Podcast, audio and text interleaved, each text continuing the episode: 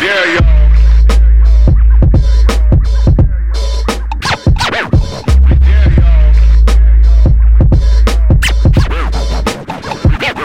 Megatron. Velkommen, Merete. Tusen takk. Hva heter du mer enn Merete? Eh, Lindén Dale. Hvordan sier du det? Lindén? Lindel? Lindén med en sånn strek over e-en. Ja. Hvor kommer det fra? Bergen. Det burde jeg visst. da. Men det er gammel bergensk eh, tradisjonsnavn. Mm, Det er det. Nei, det er ikke det. Eh, vi har liksom trodd vi var eh, hugenotter som ble kastet ut av Frankrike på 1700-tallet. Det har liksom vært en sånn saying i familien. Ja. Er ikke det?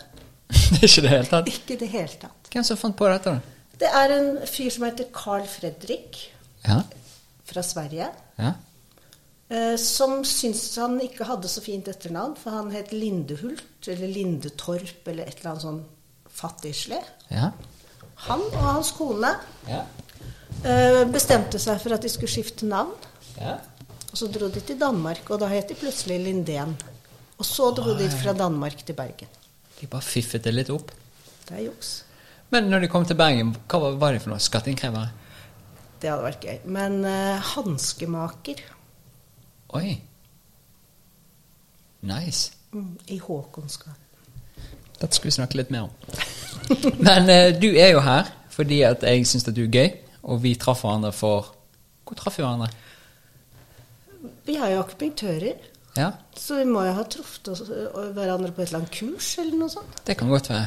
Men vi treffer jo hverandre på gaten og i butikken og, For du og, bor jo Eller jeg bor i ditt nabolag, og vice versa. Det er veldig fint. og vi har samme butikk. Ja. Og vi har flere andre gøye fellesinteresser som vi kommer til. Men for de som hører på, ikke vet hvem du er. Det er sikkert ikke så mange. Det er mange som hører på, men det er sikkert ikke så mange som øh, vet noe. Nei. Og det er deilig. Det er veldig fint. Ja. Men du er akupunktør. Jeg er akupunktør. Hva annet er du? For nå er det Nå skal merkelappen på. Hva er du for noe? Å, guri, det er Neida, vanskelig. jeg- jeg bare kødder. Jeg er hestejente. Ja, Så du rider på hest? Rir masse på hest. Elsker akupunktur. Ja. Virkelig sånn elsker. Ja. Og forskning. Fantastisk. Det er de tingene jeg syns er gøy. Det er en annen gruppe du sendte meg en eh, invitasjon til, som også virker som en liten interesse. Er det noe småbruk? Ja. Eller det er interesse, eller er det bare sånn helt uti der? Jeg, ø, jeg bo, vi bor jo på Grünerløkka, Ja. og det er jo ø, litt tett med folk til tider. Ja. Og litt mye hus og asfalt og sånn. Så ø, etter hvert som jeg ikke er dronning på Parkteatret lenger, Mhm. så lengter jeg jo bare ute i skogen. Ja. Så det er Og der derfor den kommer. sitter jeg og drømmer og, s- og tenker hvor jeg kan bo hen, og hvor mange hester jeg kan ha, og skal jeg ha geiter og sånn. Ja. Jeg liker det. Og det skal vi, kan vi også snakke mer om. Men eh, bare for å prøve å f- Hvor kommer du fra, egentlig? Kommer fra Røyken, altså landet. Ja? Født i Trondheim med bergenske foreldre. For en miks. Ja, det Ja. har vært tøft. Ja, det tror jeg. Det tror jeg. Ja. Og hva skjer det så? Bodde du i Trondheim? Mm, Jeg bodde der til jeg var to år, for pappaen min studerte der. Så flyttet vi til Oslo. Og så ville de jo gi meg en, en skjønn barndom. Ja. Eh, og da flyttet de på landet til Røyken. ja. Hvor er Røyken? Det ligger mellom Asker og Drammen. Ja, ok. Altså bare ja, langs kysten. Vi, jeg har vokst opp i Innlandet, ved gårder og skoger og sånn. Ja. Og for de som lurer på, så har du faktisk fått lov til å ha tyggis. Ja, jeg har det. Nikotintyggis, for ellers så blir jeg enda mer urolig. Ja, så Da er når jeg folk bare tenker når de hører litt sånn tygging, så er det lov. For her gjør vi det sånn som vi vil gjøre det. Ja. Og du fikk til og med nesten igjennom at du kunne ligge i jakken på gulvet i gangen. For ikke være så bundet til regler. Mhm. Jeg hang den opp, for jeg er en gentleman. og Og så det liker jeg jo. Ja. Sant? Så Så vi, det var greit. ja, Ja. det var helt ok. Eh, greit. Og da bodde du i Oslo lenge og gjorde hva for noe? For du er blitt en akupunktør, da må jo du utdanne deg. Må jo ikke, men du, det er lurt. Bør. Jeg tenker at man bør. Ja, man bør. Ja. Men må ikke. Nei, det er det som er så skremmende. At eh, hvis kjæresten din har lyst til å bli akupunktør, så kan hun jo bare begynne å sette nåler på hvem som helst. Ja. Og ta penger for det. Yes. Uten å ha noe Bare husk å helse- betale moms. Ja, det må man huske. Ja. Men det syns jeg er litt skremmende. Så jeg har gått all in på, på utdanning. ja. Men først en femårig utdanning med medisinsk eh, utdanning i- innbakt i dette her. Hva betyr det? Da har vi 90 studiepoeng i medisinske fag. Ja. Når var dette? Dette var jo i år 2000. Ja. Begynte jeg, Akkurat på millenniumet så Ja. var du i gang? så var jeg i Ok. gang med et nytt liv. Ja. Eh, og så hadde vi 90 studiepoeng i medisinske fag, som var så gøy at jeg godt kunne ha fortsatt på medisinstudiet. ja. Jeg likte, det, det er lett å lære seg. Er det medisin grunnfag, eller er det Ja. Og så hadde vi mellomfag i funksjonell anatomi og fysiologi. Oh. Nice. Og fem år med akupunktur. For det var den gamle G-en før jeg begynte å Mm. studere disse tingene. Ehm, ok, hvorfor begynte du med dette? Jeg begynte fordi jeg trente qigong. Ja, eh, Og det var det mammaen min som hadde fått meg inn på, for hun jobbet på akupunkturskolen. Og så sa hun du, det er et sånt der rart kurs i helgen. Jeg syns du skal være med. ja. Eh, Så da ble jeg med. Var det rart? Ja. Trener du fortsatt? Nei, jeg syns det var litt sånn sakte. Ja. Jeg trente i mange år og var veldig sånn aktiv. Dro på turer til Bardufoss to uker på sommeren og trente qigong og sånn. Oi. Veldig digg. Ja. Men jeg hadde egentlig mer lyst til å gi deng, Ja. så da begynte jeg på karate. Ja. Det liker jeg. ja. Og gjør det fortsatt? Nei, jeg gjorde litt overdose, så jeg skadet meg. Uff. Jeg er veldig glad i sånne høye spark, Ja. for det er, det er så digg følelse når du liksom Du. Ja. Og så røsket du i noe? Jeg gjorde litt for mye. Ja. Greit. Går det greit nå, eller? Egentlig ikke, men eh, Man lærer seg å leve med de skavankene man lager. Ja. Det er fint. Ja. Men da tok du da femårings utdannelse. Var det da en bachelorgrad? Eller ble det det? Det var ingen bachelorgrad, og det syns jeg var så forferdelig. For da jeg holdt på siste året mitt, så gjorde jeg en sånn liten pilotstudie. Ja. Og På så hva? Ereksjonssvikt hos menn eh, mellom 20 og 40 år, tror jeg det var. Ja. Ehm, og da fant jeg ut at jeg kan ikke leve uten en doktorgrad. Det er jo veldig vanskelig. Jeg kjenner litt for det sjøl. Ja, ja, sant? Ja. Så eh, da fant jeg hva må jeg gjøre da? Da må jeg ha en bachelorgrad først. Ja. Da innpasningsprogrammet kom, så kastet jeg meg på det. Og da var jeg ved manko på en master, ja. Yes. Så da begynte du på det? så da begynte jeg på det. Så var jeg ferdig med i 2018. Så da er du masteren Master of Science. Ja. Nydelig. Og så har du begynt på doktorgrad? Nei, men jeg prøver liksom å gjøre lure ting sånn at jeg skal komme dit. Gå på kurs på UiO Ja. i deilige biomarkører og statistikk, f.eks. Jeg kjente jeg eh, begynte å få litt tørr hud når du sa det. Men hva er det som er så gøy når du Ok, ereksjonssvikt mellom 20 og 40. Hvor kom den ideen? Den Klar. kom fordi at ehm, Som oftest er det jo fordi at veldig mange som starter et studie, er jo fordi at man har en interesse for noe. Sånn som når du starter Ja, Jeg akupunktur. tenker eh, for ereksjoner spesifikt. Ja, det er jo interessant med ereksjoner, Ja, mm, vil jeg si. ja, Eh, Av flere grunner.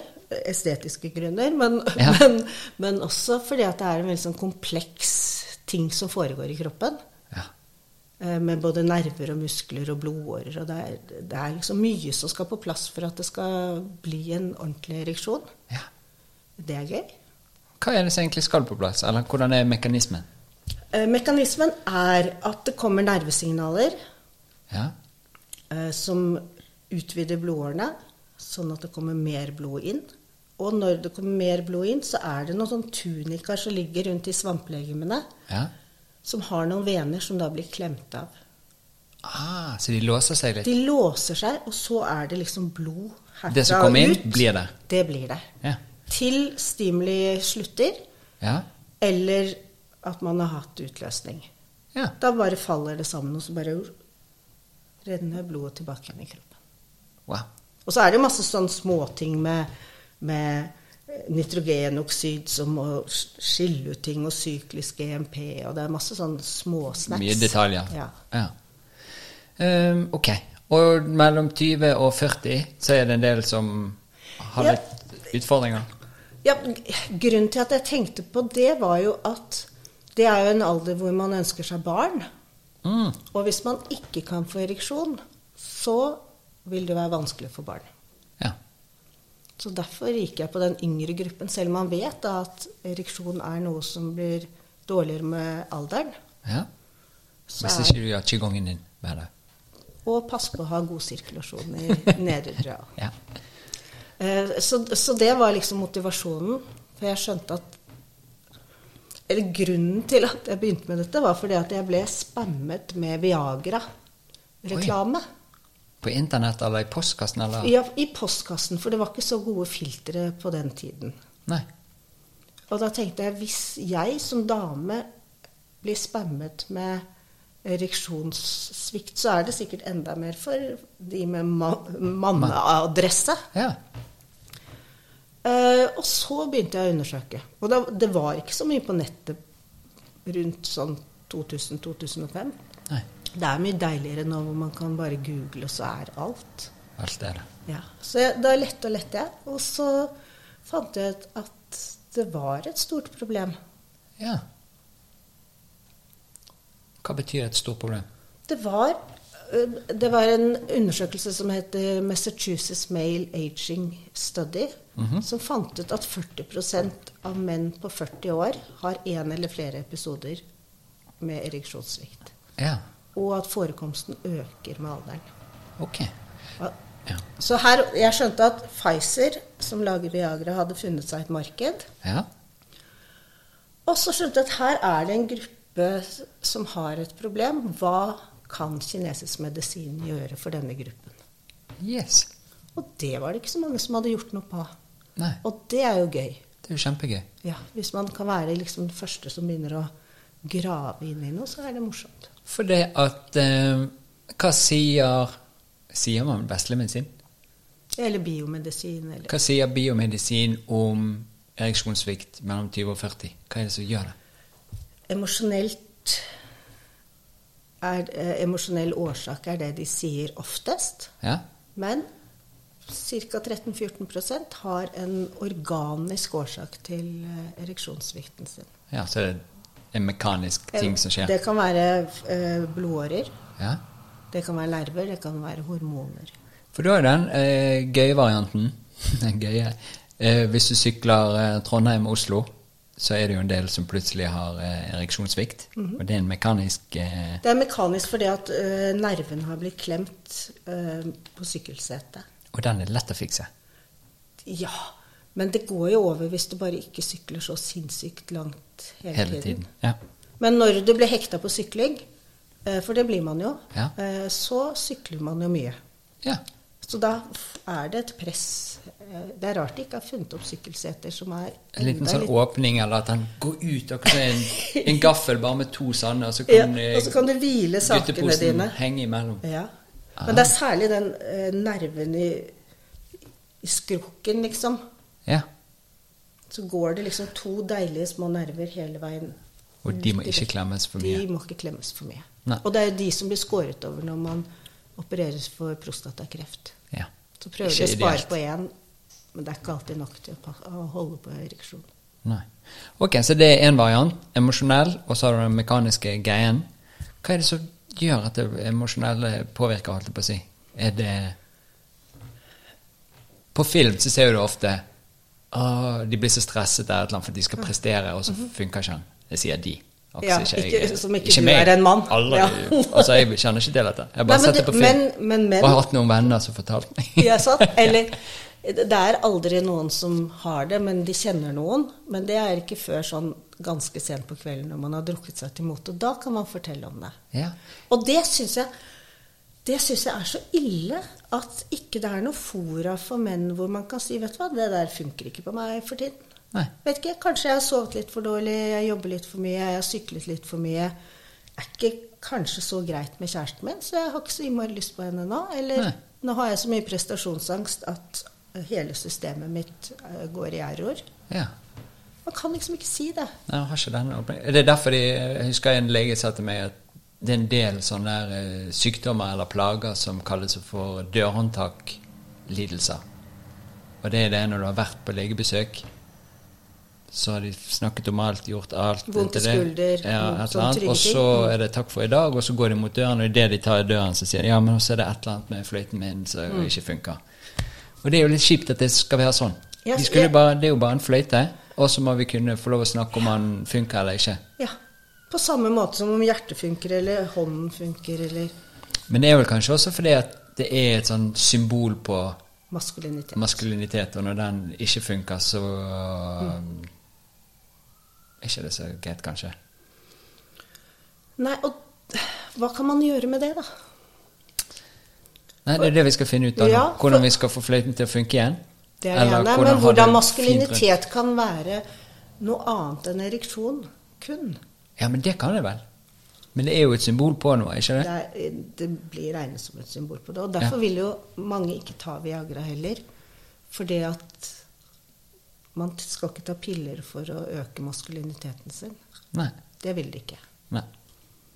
Ok, så i vestlig verden, eller biomedisinen, så har vi mekanisk bit, eller som oftest en emosjonell greie. Og det ene trigger det andre. For hvis du da har ikke hatt suksess én gang, så blir jo psyken med på å gjøre det enda vanskeligere. Ja. Og hvis du ikke holder utstyret ditt i gang, Ja.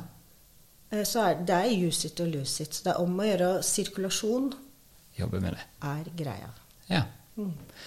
Ehm, men når vi da ser på kinesisk-medisin, som du hadde da utdannet deg innen, og eh, var interessert i det, hvordan ser den gjengen på det?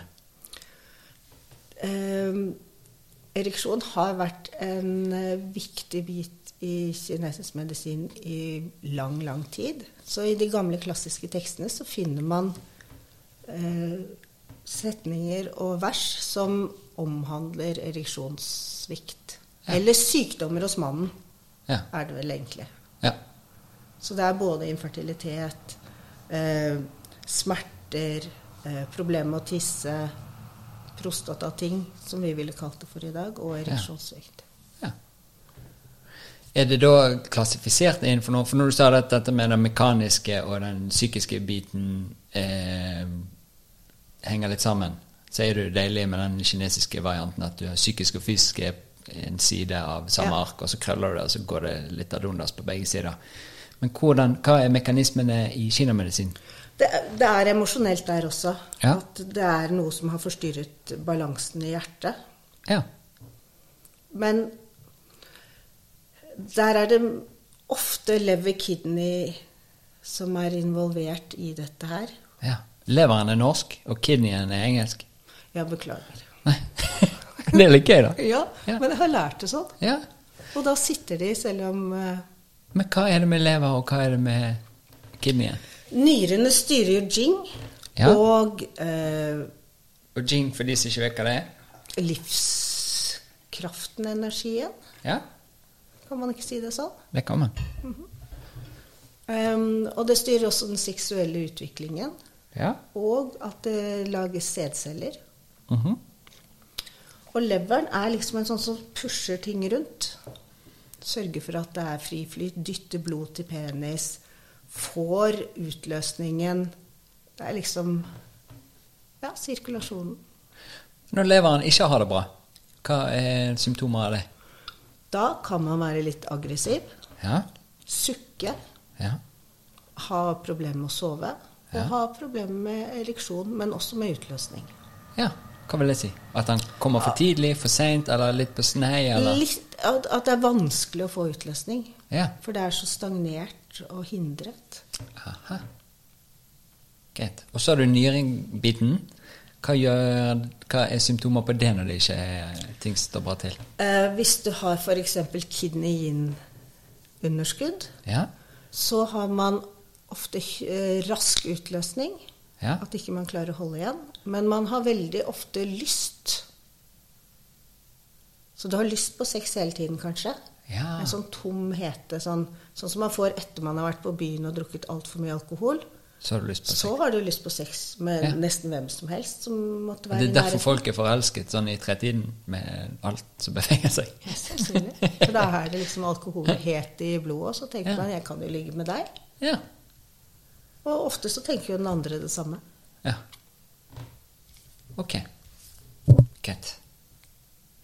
Hvordan Og hvis det er kin i yang-sju, så har man redusert lyst. Ja. Men skyter man da like fort, eller eh, har ikke det en sammenheng? Det, det kan være litt sånn dårligere utløsning. Ja. Eh, Så du mangler egentlig fresen til å få det til, ja. mens den andre har du full- Litt for lett antennelig. Ja. Og så er, finnes jo dette i kombinasjoner. I Det mange er sjelden varianter. én diagnose i kinesisk medisin. Det er ofte kombinasjoner med at øhm, man er i en dårlig relasjon, det går utover hjerte, kidney Ja, for da er ikke man glad eller fornøyd Nei, i sant? den eh, tilværelsen man er, og så funker ikke resten av systemet. Fordi at hjertet må ned og sende varme og Ja. Ganske nydelig.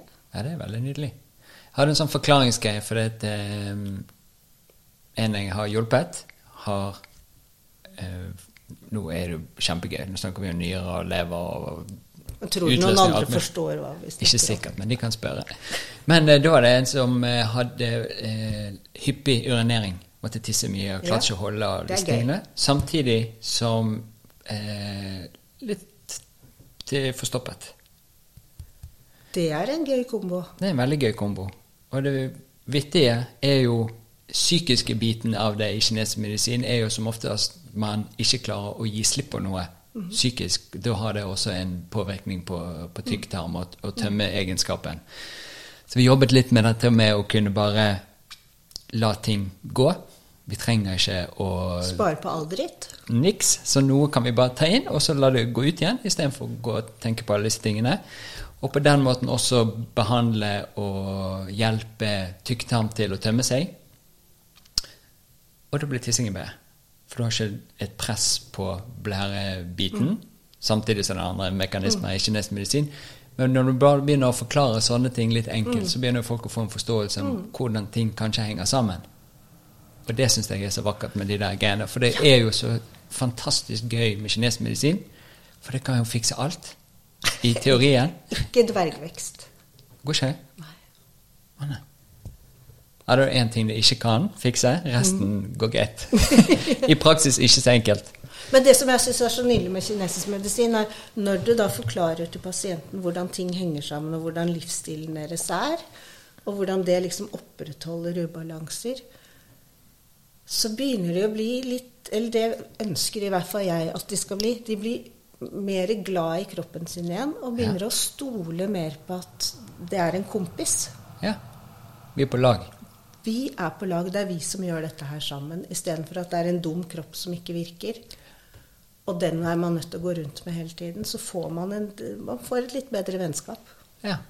Det liker jeg. Ja, og det virker som det er ganske utbredt å stå i speilet og si 'dette er jeg ikke fornøyd med', 'dette er jeg ikke fornøyd med', Mm. 'dette er jeg ikke fornøyd med', eller se på et eller annet 'dette er jeg ikke fornøyd med', og tenke de tankene hele tiden. Og det er jo kjipt. Kroppen er jo Mm. Det er sjarmerende. slemt. Det er rett og slett slemt. Ja. Hvis det hadde vært mot eh, en du er glad i, eller noe sånt, så hadde du aldri akseptert at noen snakket sånn. Nei. Da er du nesten ikke tør å tenke sånn engang. Nei. Nei. Men ok, så da fant du ut at du ville prøve å hjelpe til her. Hva fant du ut i dette studieopplegget ditt? Det var en bitte, bitte, bitte liten en med ti deltakere. Ja? Eh, Men det jeg fant ut som var eh, hyggelig, det eh, var mest at de, de følte at de stolte mer på egen kropp. Ja? For du fortalte det som du sa i sted, dette med hvordan ting kanskje Ja, og at de så det at det skjedde noe med ereksjonen og lysten. Ja. Eh, Så de hadde mer tillit til at de ville få det til. De gruet seg ikke så mye, de var ikke så redd for at eh, de skulle feile. Nei, Det er bra. Det er, bra. Jeg tenker det er kanskje den viktigste biten. Det er vel ofte det som holder f- mennesker tilbake, er jo for at vi er redd for å feile. Ja. Istedenfor tenker vi dette går Gønne greit. på. Være litt Pippi Langstrømpe. Ja. Ja. Og så, og så var det det- det- Statistikk er jo sånn man ikke skal bruke på så lite antall, men 75, rapporterte, 75 rapporterte at de fikk bedret ereksjon. Ja. Og det er jo omtrent på det samme nivået fra 68 til 75 har Viagra. ja. Så det er jo en gjeng som ikke får hjelp av Viagra, og det er jo en målgruppe for oss akupunktører. Absolutt. Og så gjorde du den studien, eh, studien, og så jobbet du mye med det Jeg etterpå? har jobbet med det hele tiden. Ja, så du har fått deg en gjeng, ereksjonsgjeng som kommer til deg? E-, Egentlig alle ting som er herfra og ned på herrer. Ja. Men også skuldre og nakker og, og sånne ting som er Ja. lettere å snakke om. ja. Hva flere ting har vi derfra og ned hos herrer? Vi har masse fine ting. Eh, Ja. Opp om natten og tisse, sånn at Ja. man ikke får sove. Prostata. Ja. Eh, der har akupunktur god effekt. ja. Og d- en av de hyggeligste tingene er kanskje menn som da har hatt f.eks. en klamydiainfeksjon da de var 20. ja. Og så har de en sånn der ubestemmelig eh, bekkensmertesyndrom. ja. Hvor de har s- smerter nede i området under navlen, eh, rundt hele skrukken, inni bekken ofte. Ja. Og dette har de jo ikke fått hjelp til. Så jeg har hatt Nei. noen pasienter som kanskje er sånn i 50-årene, som da har gått så lenge med disse smertene som bekymrer de veldig. ja. Og det er jo ikke noe bra. Hva er det som gjør det, da? Er det rester av en inflammasjon, eller er det stramhet her, eller hva er det som Begge deler. Ja. Så Mm.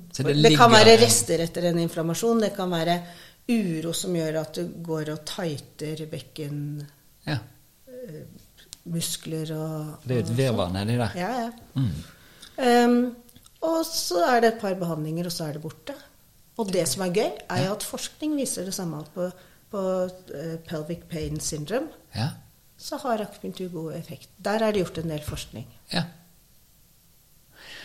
Ok, dette er jo spennende. For det, du liker forskning. Ja. Det er så deilig. Ja. Det er så deilig med ting som er sånn Det kan se ut som det er sånn, men det er jo ikke et klart nok svar til at jeg liker det, egentlig. Nei. Men det er noe sånn Sånn er det. Eller sånn ser det ut at det er. Ja. Det er deilig, for jeg lurer på alt i hele verden. Ja visst.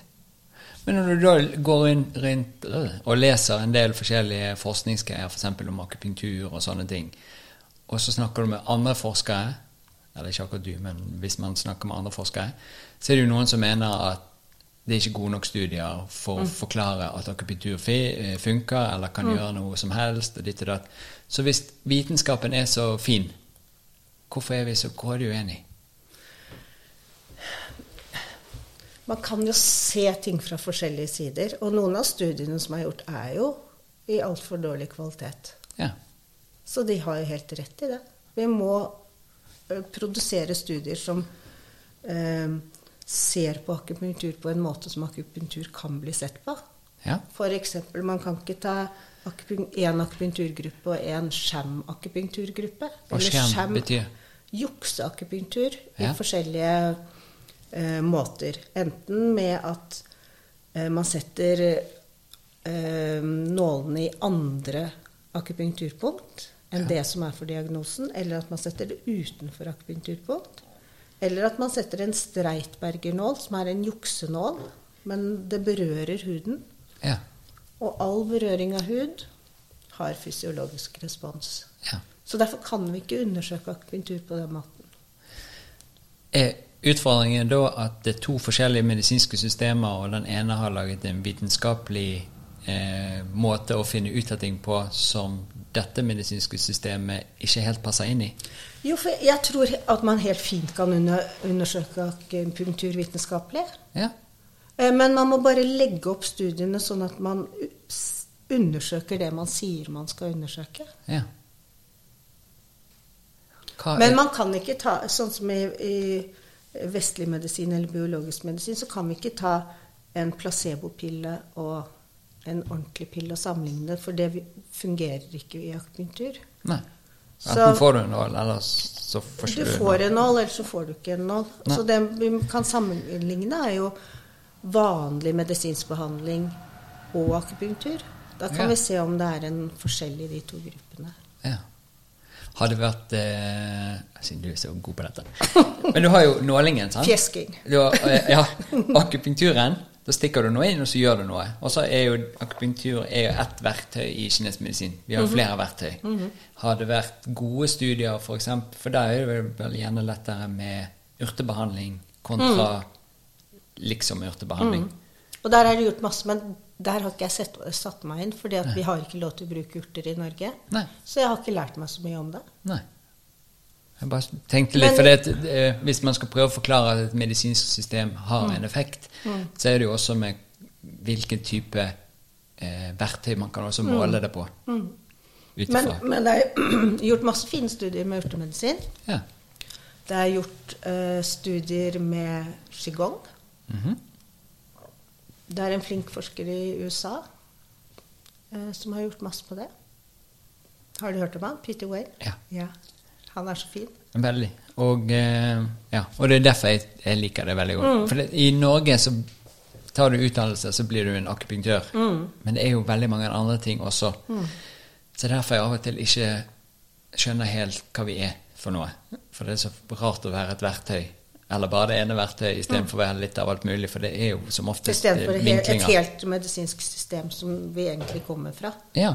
Ja. Det er Akkurat som du har en sånn verktøyskasse, og så fikk du ikke alle verktøyene Mm. utlevert. Men du har jo ekstraverktøy med Mm. qigong og tuina og alt mulig sånne ting. Og det er det jeg liker også, men da blir du på en måte Jeg vet ikke hva jeg skal fram til nå, men da blir man Hva blir man da? Eller hva er man da? Utdannelsen er jo akupunktør. Det er Ja, jo men da er veldig du vel få- kanskje nærmere tradisjonell medisinutøver. Ja. ja der var det. Det var en digresjon. Men vi trenger det. det er veldig deilig. Ja. Eh, men hva er det som er så gøy med dette vitenskapsgreiene? For jeg skj- skjønner jo også det når vi leser masse forskninger og sånne ting, så er jo ikke det Uansett hva medisinssystem det kommer fra, så er jo ikke kvaliteten på alle disse veldig god, alltid. Og så spørs det hvem som finansierer noe, eller hvilke studier som i det hele tatt får penger til å bli studert. Ehm, hvorfor er det så mye tulleforskning? Ja, å, Gud, vet du hva, da kom Er jeg det på fordi at bare noen vil ha noe som viser til noe fordi at det har en effekt på et eller annet annet? Hvis du skjønner hva jeg mener? Ja, jeg skjønner hva du mener. At det er en For du har jo At systemet på en måte gjør at det blir sånn? Eller? Ja, for det er akkurat sånn eh, Med en gang vi har ja, men forskningen sier sånn og sånn, og så blir vi Ja, men da tror vi det. Men hvis forskningen på det og det ikke var nødvendigvis det eneste svaret, eller sånn og sånn og sånn For man finner jo ofte veldig snever informasjon. Ehm, men vi har, virker som vi som samfunn har en veldig sånn vi, vi hviler oss veldig på at når forskningen sier det, så er det sånn. Mens av og Ja. til så føler jeg at sunn fornuft ikke hang sammen med det, og så ser man senere at å ja, nei, men vi så ikke på det i det Mm. studiet, eller den tingen. At forskningsspørsmålet er ikke godt nok? Ja, kanskje. Eller også av og til for snevert, for det tar Mm. ikke med eh, alt som påvirker f.eks. en ereksjonssvikt eller eh, Mm. Men det kan man jo ikke få gjort heller, for da måtte man liksom hatt 20 milliarder eller et eller annet veldig høyt tall for å gjøre det. Det hadde blitt så stort og omfattende Ja. at det er vanskelig å undersøke det. Så det, det er jo fint å ha et helt presist spørsmål som du skal finne ut av. Så det du finner ut av, er jo på nøyaktig det spørsmålet. Det er jo ikke på den totale sammenhengen. Så derfor står det ofte på slutten at dette trenger vi mer forskning på. Ja. Eh, her kan vi ikke trekke en konklusjon, for dette må ses i sammenheng med. Så den vitenskapelige metoden er veldig, veldig sånn f- forenklende, egentlig. Ja. Eller den ser på én ting. Mens virkeligheten er jo kjempeforvirrende. Veldig. Og det- Men gøy! Og supergøy. Men det er jo det som er så gøy med det òg. Det er jo fordi at eh, som oftest når du skal fi, eh, endre på noe eller gjøre noe, så er det så mange plan det må endres på. Mm. Og av og til så tror vi at det bare er en liten enkel mekanisme, og så er det så mye som Og så er det ikke det. Og eh, helseforskning Jeg holdt på å skrive på noen av. Der eh, tar det 17 år Ja. fra man har fått et forskningsfunn, Ja. til noe er implementert. ja. 17 år. Ok. Det er kjempelenge. Det er det veldig lenge. Fordi det er så vanskelig å implementere nye tanker og praktiske måter å gjøre ting på. Og hvis det er da i et stort system som helsevesenet, så er det ordentlig krevende å få det til. Ja. Men da tenker jeg for oss som aktivitører, som ikke har en så stor organisasjon rundt oss, så burde vi jo ikke bruke 17 år på å implementere det vi finner i forskning. Det burde vi jo kunne ta. i bruk kjapt. Ja. Og i hvert fall når det, man kan se at det er ingen, eller i hvert fall en positiv mulighet for en positiv virkning, og veldig lite negativ eh, greie. Da er det jo bare å gønne på. Gønne Ikke? på. Ja. Ja. Jeg er helt enig. Så jeg jeg er litt sånn opptatt av at vi må få det vi har av forskningskonklusjoner eh, konklusjoner og svar og som Det må vi ta til oss fort. Men da må akupunktører være villige til å åpne opp for nye måter å gjøre ting på. Ja. Kanskje ikke det punktet er det du skal bruke på denne lidelsen. Kanskje dis- denne punktkombinasjonen gir bedre resultater. Ja. Selv om du lærte det, og selv om du står i Giovannis punktbok. Ja. Dette blir, du, dette blir en akupunkturpodkast. ja, ja, men det får Merker gå. du det? Det får gå. Eh, for de som ikke har peiling på hva akupunktur er, hva er det for noe? Det vi holder på med, er kinesisk akupunktur. Ja. Ja. Og det er bare vi setter nåler i noen punkter som gjør et eller annet. Jeg tenker at eh, det jeg bidrar med, er å øke sirkulasjonen. Ja. Det er eh, Nøkkelen til et godt liv er god sirkulasjon i kroppen. ja. Og det kan du få med akupunktur, du kan få det med trening, du kan få det med qigong. Litt vin. Da får du midlertidig, Eh, god Midlertidig, sirkulasjon. men så, men så blir du Strammet. ikke så god etter hvert. Nei. Så jeg har mer tro på å bevege seg og, og få akupunktur. Ja. Eh, Så stimulerer man jo da blodårer til å utvide seg. Så Ja. Det kommer mer blod gjennom blodårene. Det påvirker eh, nerver, Ja. som påvirker sentralnervesystemet og hjernen og transmittører. ja. Vet du, så. Så enkelt. enkelt er det. Skaper bevegelse og sirkulasjon. Ja. Nydelig. Hvorfor tror du at noen tror at det ikke funker? For for meg er jo det veldig rart å tenke at det ikke funker. Nei, jeg er skeptisk til akupunktur. Eh, Det fun- jeg skjønner ikke hvordan det skal funke. Men hva, hvorfor er man det? Jeg, vet Vet du? ikke, jeg er også ganske skeptisk til akupunktur. Ja? Eh, Og innimellom syns jeg det er veldig, veldig merkelig at man skal stikke nåler i folk, og så skal de bli bedre. ja. Så får jeg akupunktur selv, så kjenner jeg jo at sirkulasjonen øker. Ja. Her er det stimulering av nerver. Eh, Du kjenner jo at det er et eller annet som foregår. Ja. Det er, jeg vet ikke om det, det kan jo være at eh, sånn som man har forklart akupunktur med meridianer og chi og sånn, Ja. er litt fremmedgjørende for oss som er her i den vestlige verden. Ja. Og at det er derfor man er litt skeptisk. ja. Ehm, og det- for meg så er det mer naturlig å bruke vårt moderne språk nå som biomedisinen eh, Ja, den type ord som de bruker. Ja. Kanskje mer enn enn kinesiske ord. Bortsett fra når vi snakker sammen, da. Vi, Ja, ja. vi har jo det samme stammespråket. Ja, vi ja. Så det er jo så lett å eh, Du forstår hva jeg mener med en gang, men når jeg har en pasient, så bruker jeg andre ord. ja. Hva- For å ikke være Jeg er jo på en Stamme. måte innvandrer. Ja. Eh, Jeg har et innvandrermedisinsk system. Ja. Og da tenker jeg at da er jo ansvaret mitt for å, og at kommunikasjonen fungerer, og at du forstår hva jeg sier. ja. Nydelig. Hva annet gjør du? Sånn i livet. Ja, de hestene dine. For du driver jo med i sånt spill. Ja, og det er Spel heter det, Spel kanskje? heter det. Ja. Med én L. Ja. Én tynn L. Oi, Å, helsike. gjester, det er gøy. Bare da Kan jo du bare tenke litt på den, og så skal jeg skjenke hva det er for noe. Spillet. Spillet.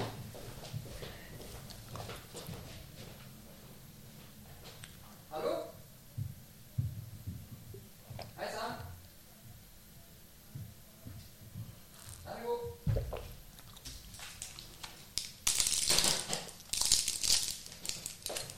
Fikk du pakke? Nei. Det fikk jeg ikke.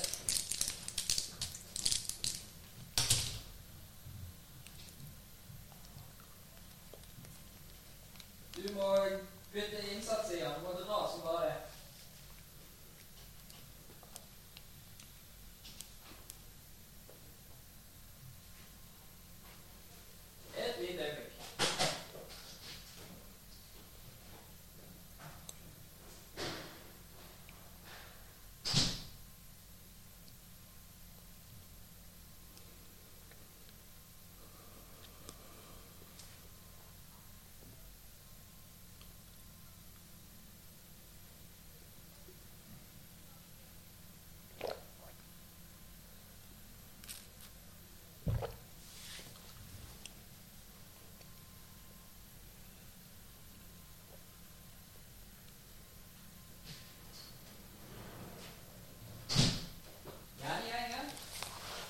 var det Å, Morten fra renovasjonsetaten.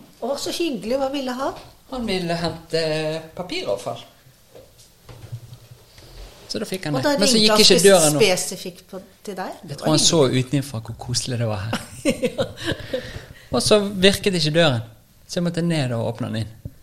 Hvis du hadde hatt en mikrofon til, Så kunne han blitt med. så kunne han blitt med. Så kunne vi hørt litt mer om hans dag. Han For som- det kan jeg ingenting om. Nei, ikke jeg heller. Jeg tror det er mye sånn eh, sånn som dette. Ja, Også sånn parkering der du Det hadde ikke vært alltid står i veien for noen, eller trikken, eller Jeg tror det er litt masete, altså. Ja. Dette spillet ditt. ja. Ja, Det er så gøy. fortell. For du rider på litt sånne lodne hester. Mm. Jo mer punkete, jo bedre. Ja. Det, altså, det Jeg vil jo si at den der pandemien er litt eh, dust. ja. For i år og i fjor så blir det jo ikke spel. Nei. For det at Hva vi heter har jo spillet? Birkebeinerspelet. Yes. For vi har jo 1000 mennesker sittende ute på en sånn hva- en naturscene Ja. ved Mesnavannet. Og da sitter de på høyballer i et sånn derre atri oppover. Og det er kaldt. Det er jo ofte 10-15 minus. Å, helsike. Det er deilig. Å, Ja. Det er så fint. Og det er ikke noe lys, for dette her ligger litt sånn øde til. Ja. Og det er alltid snø, og så er det da kaldt, og det er diamanter på trærne, og nydelig stjerne. Det er så veldig, veldig vakkert. Og så kommer det brasende 25 bagleryttere med fakler og skriker og skal drepe kongssønnen. Håkon Fytti Håkonsen. grisen. Er det ikke Og dette herlig? skjer hvert år. Dette Bortsett fra skjer de hvert årene det ikke år. skjer. Og det er så fint, for vi dør jo i slaget. Ja, du òg? Mm, Jeg òg. Oi, oi, oi. Og så innmari. Og så gjenoppstår vi, og så er det ny forestilling dagen etter. Og året etter. Helt til nå, da. Men da rider dere innover. Har du fakkel, sverd, øks, pil og bue? Sverd i beltet. Ja? Ekte? Ja. Ja. Det var litt tullete spørsmål. Ja, men, eh, veldig ja. tullete spørsmål. Du er ikke bagler. og så har vi fakler, og de er jo så tunge. Ja. De er, de er jo lagd av eh, trestokker. Er det med de noe- som var med i OL eh, Nei, 94? de- eh, Tenk om Ligner. vi hadde fått det. Det ligner litt.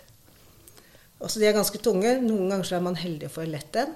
Ja. Og så galopperer vi, starter ute på isen, så det er ganske sånn Du ser liksom at det kommer 25 folk Ja. galopperende bortover, og så brenner det i hus og ting. Wow. Og så holder vi disse faklene. Og hester er jo ikke kjempeglade i ild. Nei. Og heller ikke trommer. Og folk som slåss med sverd og skriker og Og så skyter sitter pil og det- bue og sånn. Og så sitter det 1000 mennesker Sitter det Mhm. på matpakkene deres. Ja. Det er veldig forvirrende for hesten. Antagelig. Men de syns egentlig at det er litt gøy. Og det som er så Ja, ok. kult, er jo at vi står eh, vi står liksom borti en sånn kve, og så står vi og venter på at det er vår tur å skulle inn mens skuespillerne sier de replikkene. Ja. Ehm, og så kommer det da en eller annen sånn Q, gjerne en musikk-Q, Ja. og da Hestene bare kaster seg på. Og for de vet De Q-en. vet det er ikke en Q. ku, men en Q. En Q. Ja. Det hadde vært gøy hvis det kom en ku, Det hadde og også så vært var det i gang. Det hadde vært kjempegøy. Det kan vi jo prøve på. Send inn en ku. Der. Der kommer den. den tror jeg ville blitt trampet ned. Den hadde ikke Ja, likt ok, Den hadde Ok, men da ikke- kommer Q-et Da som kommer er signalet. kua, Som er signalet for at nå skal vi ri bak der og skrike og, og løpe etter noen eller noe sånt. Da. Og da står hestene helt klar. Og Jeg er så giret. de er så gira, og de syns det er så gøy. Og de løper som noen ordentlig gale. Ja, Herlig. så gøy. Veldig, veldig gøy. Men min hest var Hun syns på siste forestilling da syns hun at hun hadde gjort nok, for da hadde man liksom rundt der og foran der, og man hadde slåss med sverd, og det var liksom alle de tingene. Så da var hun litt lei, så hun øhm, fant ut at hun ikke skulle galoppere bak der hele runden og så løpe etter birkebeinerne. Ja. Hun skulle bare rett ned på slaget med en gang. For da fikk hun lempet av meg, jeg fikk slåss, og så var hun ferdig. Ja. Så hun gjorde litt om på regien. Ja. Så vi måtte diskutere om vi blir med de andre. Vi venter med slaget. Ja. Og det er flaut. ja. Men det gikk greit. Det gikk greit. Dere er Så vi- fortsatt Men er det alltid den hesten du har? Ja, for hun er den kuleste. Hva heter hun? Lenja. Lenja. Ja, hun Ah, er Wow. Hva type hest er det? Det er en islandshest. Ja, Liten, kvikkhest? Bitte liten. Eh, hun ble veldig kvikkas. Ja. Hun har vært sånn som har gått bakerst og ikke orket og syns det er kjedelig og sånn. Og nå har hun blitt en bølle. Og Han har fått litt av deg? Ja. Så dere bare Vi har så god utfylt hverandre? Ja, vi har utfylt hverandre. Jeg har kanskje blitt snillere, Ja. og hun har blitt eh, mer bølte. Og jeg tror for min del var det bra. ja. Hvordan kan du måle at en hest er glad? Spør du, eller? Eh, Du kjenner det Ja? på villigheten til å gjøre ting. Ja, at de syns det, dette, De- de dette er jeg koser med seg, på. Ja, Og dette er gøy. Og nå er- beveger, du kjenner at de beveger seg løst og fritt. God sirkulasjon. God sirkulasjon. Ja. God nervestimuli. ja. Og gode emosjoner. Og så ser du emosjonene. Du ser på ørene om de liksom eh, Og så ser du på øynene deres om de er rolige og harmoniske eller sinte eller Ja. redde. Eller noe sånt. Så det er veldig Det er en sånn dialog når du rir hesten, som jeg er så fascinert av. ja. For egentlig så er det veldig små signaler som trengs hvis du er på god bølgelengde. Ja. Da kan du nesten styre med skjenn. ja. Og hvis du ikke er på bølgelengde, ak akkurat sånn som med folk, så er det jo noen du ikke kan snakke med i det hele tatt. ja. Så Og som du blir ikke mye får det til å styr og funke med. Og sånn er det med stell. noen hester. Mens Ja. andre setter deg på og så bare tenker dette her kjennes ut som vi er én enhet som beveger oss bortover. Oi. Det er ikke noe konflikt. Alt er bare En. én god følelse. Det er bare så gøy. Så snart, da. Ja. Men da skal dere ta han Kongsøyen. Ja, fy faen, Hvorfor det? det skal vi. Hva har han gjort? Han har jo Er dette det samme som i filmen? Birkebeinerfilmen? Ja. Vi skal ta han sånn at danskene Vi, jeg er jo eh, da Bagler, som er med danskekongen. Eller Ja. den bis danske biskopen som er med oss. Fysj og fy. Ja. Ja. De fikk overbevist meg, fordi at jeg var i Birkebeinet første året. Ah. Og sang stev og, og Oi. gjorde ja, andre morsomme ting. Eh, og så gikk disse baglerne rundt og sa Men hallo, Merete, du elsker jo bøker. Baglerne har jo bøker. Vi er jo biskopens menn. Ja. Og baglerne har jo god vin, ikke det der mjødskvipet som dere holder på med. ja. Og vi har sverd, som du elsker. Og da fikk de meg over, gitt. Det er ikke vanskelig for deg å på den onde siden. Nei, hvis de har de riktige virkemidlene. Og Ja. der hadde de alt jeg liker. Wow. I tillegg så måtte jeg sitte ganske mye lenge inni et hus og vente til det var min tur å gå ut. Når du Og- var god. Da jeg var birkeveiner. Ja. Og du ja. Vente. Du er ikke laget for det. Jeg er ikke laget for det. Å sitte inne i huset der, det var så kjedelig. Det er gøyere å stå sammen med hestene og stå og prate med Lenja og liksom Ja, ting. sånn. Ja. Ja. Og kunne bevege seg litt rundt og sånn. Vi har jo snakket litt om pil og bue, også, for jeg Ja. fikk jo pil og bue for noen år siden. Ja, det er så bra. Alle trenger det. Ja. Er du god på det? Nei, jeg syns ikke jeg er så god som jeg vil. Nei? Men innimellom så er jeg god. Skyter du noe på det spillet? Eh, vi har skutt flammepiler opp når det har vært en sånn begravelse, for å markere en begravelse. Ja. Da Har du skyter vi gjort det det, bare. Mhm. da? Har du skutt flammepilen? Traff du? Men vi skyter bare opp i luften som en sånn eh, slags fyr, gammeldags fyrverkeri. Å ja. Og så plystra du? Trenger ikke, for det Å, nei. kommer sånn fin Det er sånn derre når flammen går Oi. over. Det er veldig, veldig, veldig fint. Hva er, det, eh, hva er den dotten som du har på deg? Vi har eh, Først så limer man fast en, eh, et håndkle eller noe sånt. En bit av et håndkle. Hæ? Og så tar man ståltråd. Ja? Nei, ståltråd, stålull som du surrer med ståltråd. Å ja. Dypper det i whitesprit. Å ja. Tenner på. Det er ikke så veldig middelaldersk. Nei, det var akkurat det jeg skulle til å si. Hadde de stålull i gamle dager?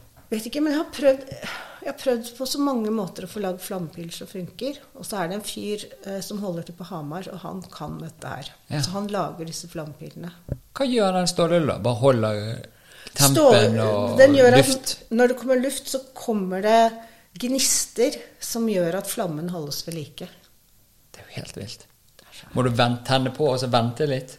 Eller kan du tenne på og så pff, skyter den med en Ja, gang? det er greit at det liksom har fått tatt litt ordentlig fyr. Ja. For, Nice. så ikke man, det er gøy. For det, det er jo ganske stort press. Så man kan, hvis du ikke har nok whitesprit eller nok støff på den, Ja. så går flammen ut idet den får vindmotstanden. Ja. Eller luftmotstanden. Åh, Det er gøy, da. Er det ikke gøy? Det er altfor gøy. Jeg har lyst til å skyte med flamme. Kan vi ikke ta og gjøre det, da? Det er litt I Birkelund. vanskelig. Ja, jeg kan godt gjøre det her. Ja.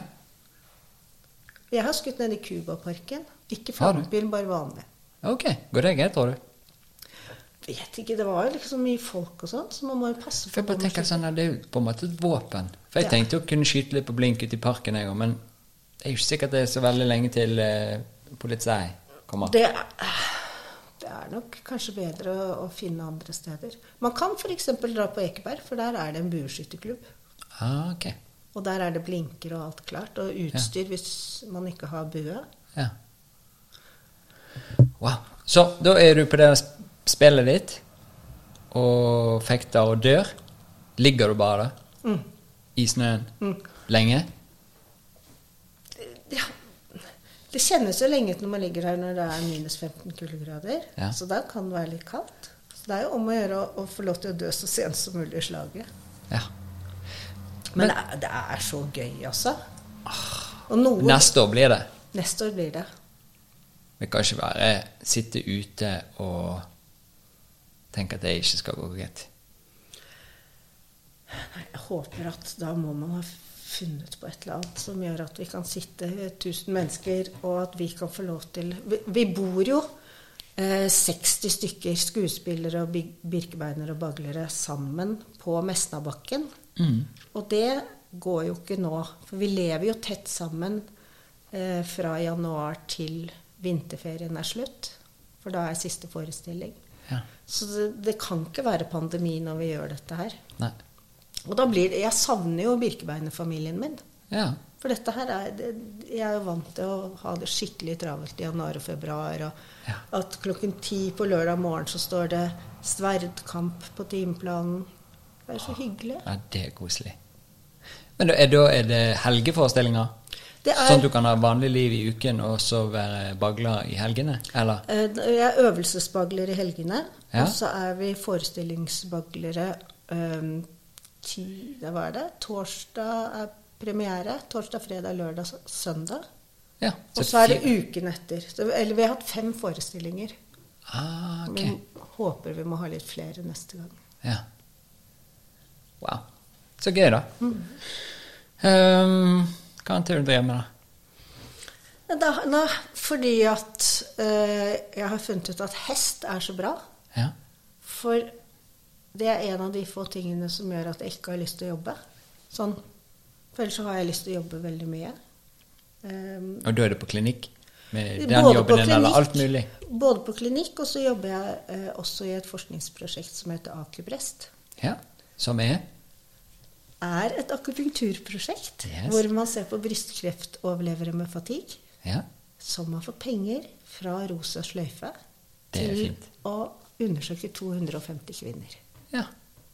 Og det begynte nå for Det begynte jo eh, 1.1.2020 Ja. med å forberede og gjøre klart alle dokumenter og sånn. Og så eh, kom jo den pandemien. Ja. Så nå er vi er vel et år forsinket, men Ja. nå rekrutterer vi. Ja. Så vi trenger kvinner eh, som er brystkreftoverlevere med fatigue. ja. Hvordan finner man ut holdt jeg på å si, Hva er det som er greien der, tror du? Med fatiguen? Ja? Er det f- av behandlingsbiten av medisinene som gir fa- fatigue, eller er det Ja. en kompleks Fordi at de som har hatt påvirkning? fatigue før eh, de fikk brystkreft, de får ikke lov til å være med i studien. Nei. Så det må kun være de som da Fikk disse symptomene etter. Ja. Ja. Hm. Spennende, da. Vet du hva, det er jo den fineste studien som fins, syns Ja jeg. visst. Fordi at dette her er jo en, en gruppe som ikke har noe behandling per i dag. Ja. Det eneste de kan gjøre, er å hvile. Ja. trene, eh, spise sunt. Så egentlig de vanlige rådene som man gir til alle, men de har ikke en de har ikke 'denne pillen kan du ta', eller 'dette kan du gjøre, så blir du bedre'. Nei. Og mange sliter jo med å klare å holde seg i jobb og ha et sosialt liv. Fordi Ja. at de prioriterer kanskje jobb, og da orker de ikke noe annet. Ja. Så mm, det går mm, Det blir spennende. utover absolutt alt, egentlig. Så det er kjempespennende. Men dere, ja, når dere nå får rekruttere- rekruttert ehm, de dere skal ha, hvor, lenge, hvor lang tid går studiet over? Den går frem til 1. juli 2023. Ok. Så vi trenger 200 eh, damer til. Ja, det må vi fikse. Ja, det må vi fikse. Hvor skal de henvende seg? De kan henvende seg til meg. Se, Da kan vi skrive det på denne podkasten. det hadde vært kult. Ja. Eller så kan de se på hjemmesiden til Aker Brest, Ja. som er E acubereast.no. Eller hvis de bare søker Aker Brest, så Ja. finner de masse informasjon. Er det et studie som går i flere land, eller noe, siden det har- heter English? Eh, det vet jeg ikke, men det tror jeg bare er et symptom på at man har lest litt for mye engelsk. Ja, altså Så blir den det går bare sånn. kun i Mm. Norge. Ja, Kun norske kvinner. den er god. Veldig spennende. 200 må vi klare å få tak i. 200 av så mange som har dette problemet. Det må Vet gå. du hvor mange det er? Nå cirka er det 33 eller 35 prosent av de som har gjennomgått en sånn behandling, får fatigue i etterkant. Ja, Det er mange. det er mange. Vet vi hvor mange som får sånn behandling? Helt sikkert. Men Ja. det husker ikke jeg. Jeg kan ikke ha alle tall i hodet mitt. Nei, det er veldig bra. Men før hadde jeg det. Og hvordan gikk det? Nei, jeg husket, eh, husket veldig mange tall. Ja. Telefonnumre til flere hundre stykker. og... Er det bare fordi at vi slutter å trene på det, eller? Jeg husket jo telefonen i gamle dager, før vi bare hadde alle numrene på telefonen, så kunne du nummeret til alle. Alle venner. Ja. Ja. Og alle man hadde ringt en gang. ja. Det bare festet seg. Men jeg, jeg tror det skjedde noe i hjernen min da jeg leste akupunktur, for det var en annen type informasjon jeg hadde bruk for. Ja. Pluss det med mobiltelefoner, så slipper jeg å fylle sånne ting inn i hodet. Og da er det jo plass til forskning i stedet. ja. For det Men er hvor- ikke plass til begge deler. Jeg vet ikke, kanskje det er det. Ja. Nei, jeg Tror vet det, ikke. jeg vet ikke, kanskje harddisken blir full. Hva med det? Eller at ikke han klarer å Og skrive prosessere- til så mange steder samtidig. Sant? Og da tenker jeg at Det jeg er viktig kan at vi- google hvor mange som får brystkreft hvert år. Ja. For det s- vet jeg at står på Brystkreftforeningen sin side. Ja. Og da husker jeg ikke på det. Nei. Er ikke det lurt? Det, det er lurt, og så er det Jeg syns det er litt skummelt. For det er så mange ting når du sitter og diskuterer ting, så Mm. kunne du ha visst noe, eller du diskuterer det, og så er det bare en som googler det, Mm.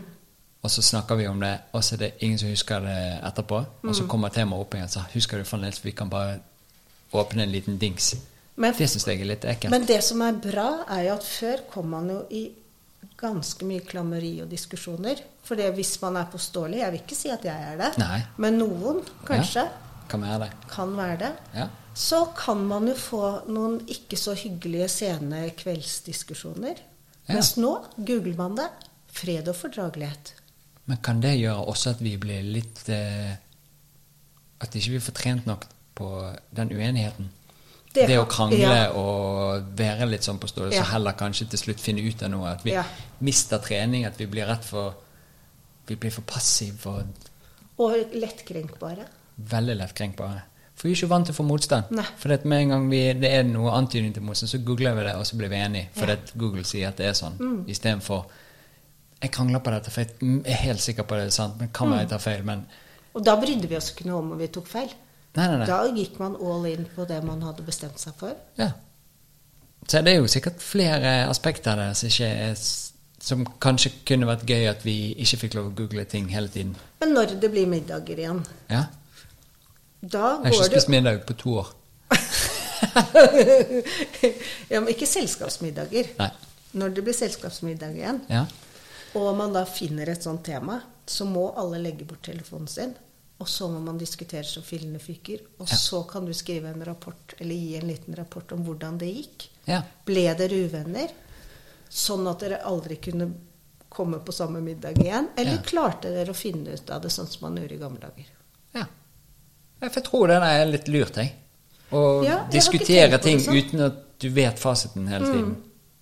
Og hvor man må undre seg og ta imot andres argumenter og avpasse det med hva du selv tenker og tror og vet. Ja.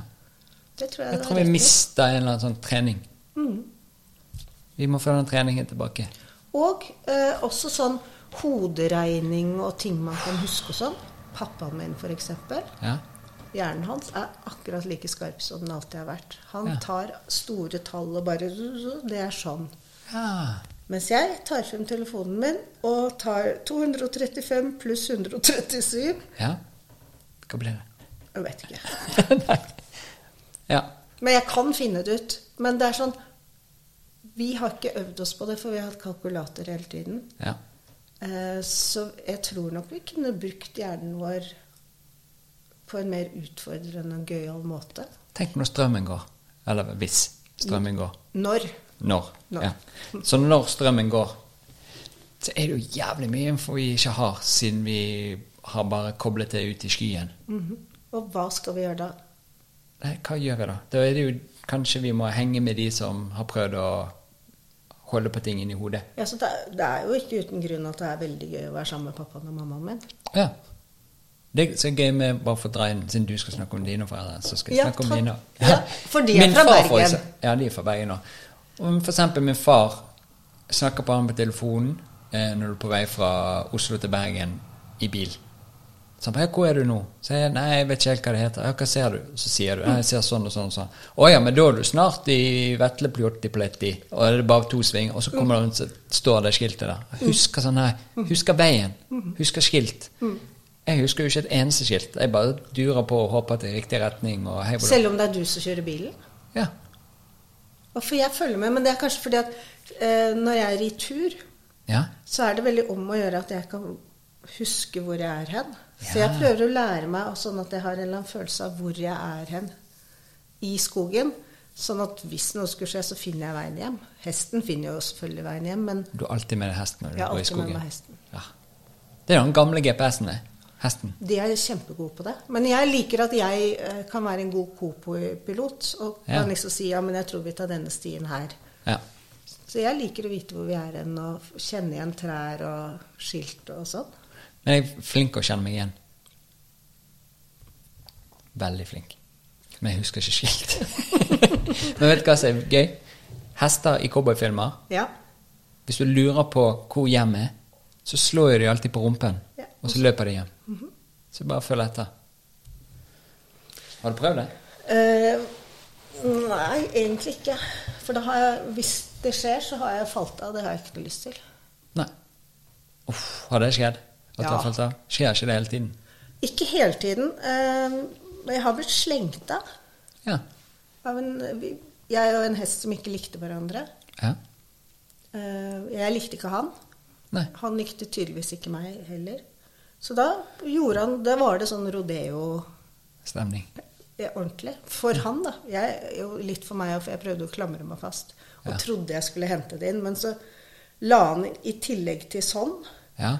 Så la han inn sånn Og sidesteg. sidesteg med opp og ned samtidig, og da klarte jeg det ikke. Nei. Oi, helsike. Og det var liksom første gang jeg da red etter jeg hadde hatt en pause siden jeg var liten. Fantastisk start. Helt fantastisk start. Ja.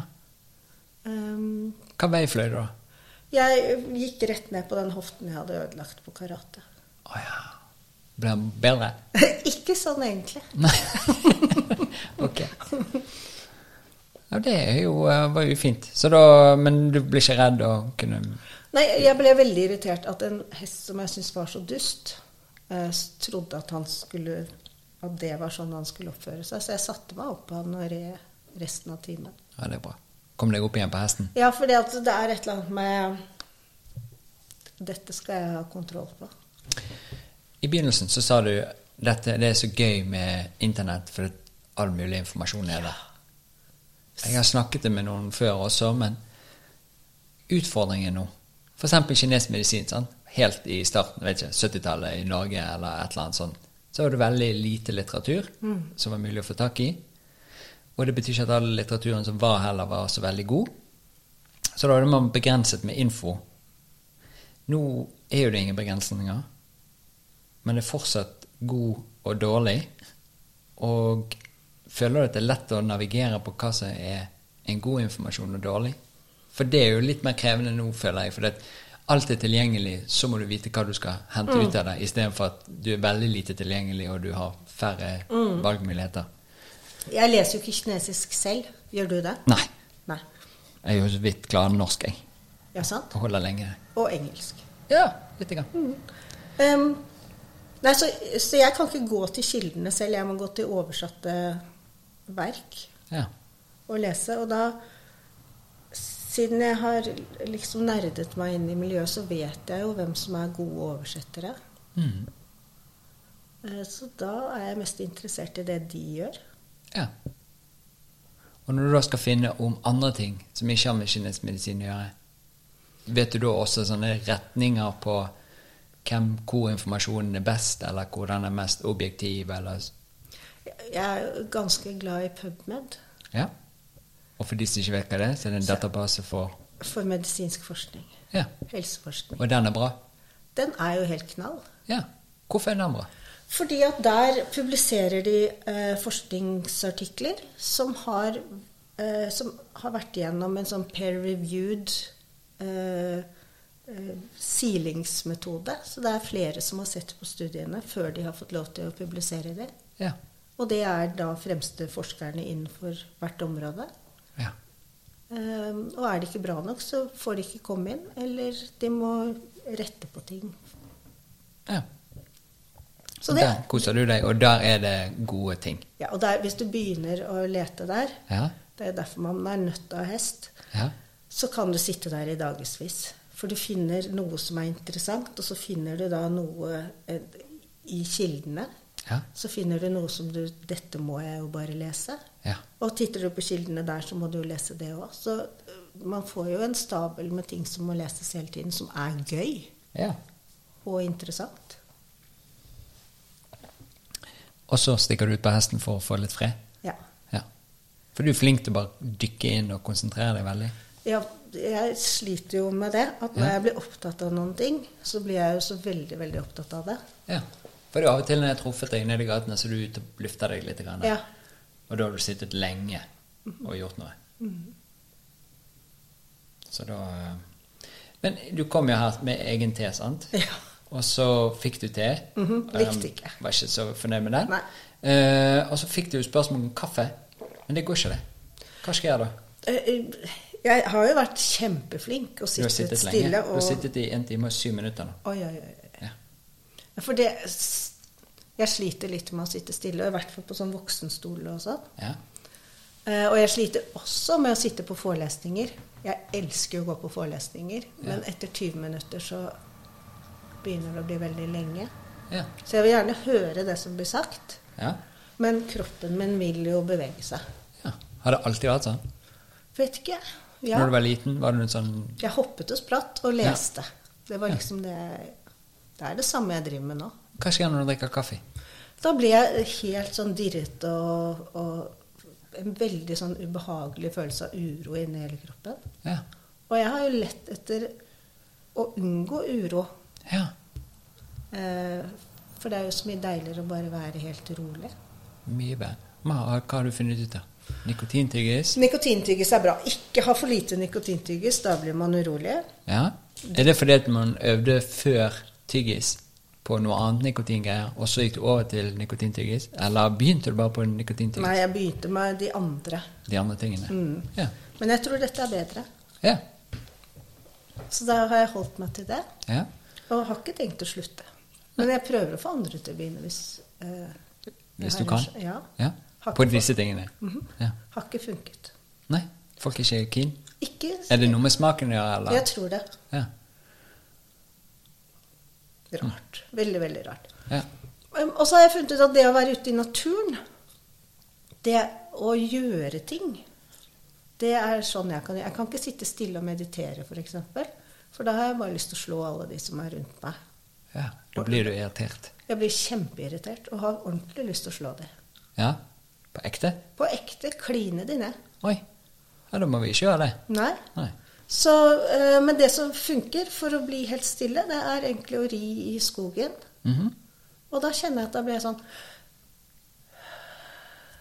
Og så Ja. plutselig så går rytmen liksom mye stillere og roligere. Så jeg har, etter jeg nå rir såpass mye som det jeg gjør, så er jeg mye mer rolig og harmonisk. Så da har vi kaffe, som gjør at eh, du blir litt urolig. Meditasjon gjør at du blir Sint. sint.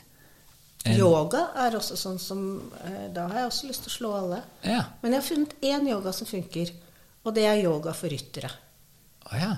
Rideyoga. Rideyoga. Oi, så da går du opp i hunden, opp på hesten? Nei, da, da gjør vi ting som gjør at vi skal kunne ri bedre, med å løsne på ting i hofter og rygg og sånn. Er det fordi at øvelsen er annerledes, eller fordi at intensjonen med det at det gir deg noe som du liker? Det er det jeg tror. Og så vet jeg at etterpå får jeg ri på tur. Ja, så du får belønning. Litt som Balto når han gjør noe bare fordi at han vet at han får en pølsebit etterpå. Det er pølsebiten. Ah, men, Men s- kanskje du rir rett etter meditasjon, da? Nei, men jeg, kan- nei, for da er jeg såpass sint og urolig at eh, det hadde ikke blitt noe hyggelig samarbeid med hesten. Nei, sant. Så det, det tror jeg ikke hadde funket. Så hest gjør det rolig. Andre ting som gjør det rolig. Det er jo mange som har uro. Og hvordan kan vi Um, Og så har vi forskjellige måter å hjelpe det på. sant? mm, Jeg kan jo meditere. hvordan gjør du det? Jeg sitter meg ned og så mediterer jeg, og så er jeg mindre urolig. Ikke mer. Nei. Mm, men var det det da du begynte òg? Nei. Da syns jeg det var vanskelig å konsentrere meg. Ja. Mm. Men så har jeg jo gjort qigong over lang tid, og det er akkurat som det er en liten sånn der eh, eh, lett variant av meditasjon. Så Mm. det er jo en type eh, meditasjon, men du gjør noe samtidig. Mm. Og etter det så begynte det å bli lettere å bare meditere. Ja, for det eh, å gjøre noe, hogge ved f.eks., Det kan jo være stable ved, meditativt. Ja. det er sånne ting. Da havner jeg inn i en sånn deilig sone. ja. Så bruke deg til sånn Fys- gårdsting. Det er derfor du vil la den gå. Ja, ja. Ja. Så alle gårdsting. Ride ute i skogen, det er en gårdsting. Hogge ved en gårdsting. L- eh, Grave i jorden. Masse Drive hull. med sånn hull og putte planter nedi og vanne på de og sånn. Ja? Liker det godt. ja. Hva er det som gjør deg urolig, da? Er det stress å bo her som vi bor? Ja, jeg syns det er kjempeslitsomt. Ja. For Men- det bare er ting som skjer hele tiden? Ja, og det er så mye folk, og det er så mye å forholde seg til hele tiden. Ja. Men jeg l- liker det på en måte, for ting er så nært og praktisk. ja. Det liker jeg. ja. Og nå har jeg hest i Sørkedalen. Så nå drar jeg jo flere ganger i uken og er bare midt ute i bushen. Fantastisk. Og da liker jeg meg bedre her. Kan du ta bussen til Sørkedalen? Ja. Ja. Og det er det du gjør? Nei, jeg kjører bil. Du har bil. Ja. Oi. Er jeg ikke heldig? Veldig. For da kan jeg være et fritt menneske som kan dra hvor jeg vil. Ja. Og det er også en sånn Det at jeg vet at jeg kan dra Kan herfra, stikke når som helst. det hjelper. Ja. Da kan jeg bli rolig. Da kan jeg være hjemme. Ja. Wow. Eh, Min hjerne er jo litt rar også. også. Som om din var det. Som om min var det. Jeg snakker til meg sjøl. Min hjerne er jo litt rar òg, så jeg hopper jo rundt og styrer og steller. Jeg bare tenkte på igjen For de som lurer da på behandlingen når det er ereksjonssvikt, er det skummelt? Om man har nåler i tissen. Nei, det kan godt være. Har man det? Man har ikke det. Nei. Nei. For det, er, det lurer jo de fleste på. Jeg får bare tenke, Det høres jo rart ut. Du kommer for at fløyten ikke gjør det han skal, og så blir du gitt ideen om noen nåler. Da tenker man automatisk Dette kan bli styrete. dette, kan bli, dette har ikke jeg lyst til å være med på. Så hva skjer? Stort sett så setter jeg nåler eh, på nedre del av magen, under Mhm. navlen, over symfysebenet, Ja. i hodet. Symfysebenet er jo det som vi i gamle dager kalte skambeinet. Ja, sikkert. Ja, Mm. For det var så flott Det- navn. Men heter det skambeina enda? Jeg tror de eh, gjorde noe med det for et par år siden og Ja. sa at vi kanskje skulle kalle det for skambein. Helt enig. Så- Beina, faktisk. Skambeina. Beinet. Ja. Ja, ja. eh, og så setter jeg på bena Ja. og hendene. ja. Og så er det Tenke litt sånn eh, Hvilke nerver er det som innerverer disse hudområdene og disse områdene i bekkenet? Og så plukker jeg punkter Ut ifra det. ut ifra det, rett og slett. Ja. Hvordan eh, oppfatter du at folk eh, har det, holdt jeg på å si? Hvor lang tid tar det før noe skjer med dem, eller at de opplever noe, eller Varierer lite grann. Noen kan merke noe mens de ligger der. Ja? Eh, Noen merker det dagen etter behandling. ja? Ofte så må man ha en liten rekke med behandling før det skjer noe ordentlig. Men det som skjer først, er eh, at man får økt lyst. Ah. Så den Det er kommer gøy. Mm. først, og så kommer resten? Ja. Så da er det psykiske på plass, og så venter man på Ja, eller fysiske på plass også. At Ja. det er liksom en, Man s- får et mer fokus i det området, for man kjenner at det er en eller annen form for aktivitet der. Ja. Ofte så kan det kjennes Når, når man skal sette nåler i, liksom her under eh, navlen i begynnelsen, så kan det være litt som å bare stikke gjennom meierismør. Ja. At det er ikke det er- noe tonus? Det er ikke eller- noe tonus, det er ikke noe som skjer der. ja. Eh, og det gjør ikke vondt heller når man setter nåler for pasienten. Og så etter hvert så kjenner de at oi, her er det et eller annet. Da får du en liten bump. Ja, Og så sier de oi, dette var jo ikke så godt. Nei, men det er bra, for nå begynner det å komme liv her. Nå er det, Nå er det en liksom kontakt, reaksjon. ja, Ja. Nå er det eh, kontakt med nerver, og det er liksom litt, Ja. litt mer ting som skjer. Men kan han da plutselig våkne til live, da? Mens Fordi- de ligger der, det kan det. Ja. Er det. Blir man stresset av det, eller er det sånn Jeg vet ok ikke. stemning an til? Eh, Jeg er jo ofte ikke i rommet. Jeg setter nålen, og så går jeg ut. Og Ja. så får de ligge der med den tissen de har. Ja. Ehm, og skjer det, så skjer det. ja. Det er jo en helt naturlig ting. Veldig naturlig. Det er Og det er jo det vi- Eller skulle vært veldig naturlig. Ja, og det er jo det vi ønsker oss. Det er jo hensikten med behandlingen. Ja. Så jeg tenker jeg tar ikke noe på vei på det. Nei, men et- de, da? Jeg tror ikke egentlig at Noen Ikke. blir vel mer glad. Ja, der var han. Der var han Hei igjen. sann. vi kjenner hverandre. Ja. Hyggelig å hilse på igjen. ja. Så var det dette du snakket om i sted også, med um, utløsning. Mhm. Men må det henge sammen? Må det være Er det én ting? Holdt jeg på å si. Orgasme, for eksempel, og utløsning.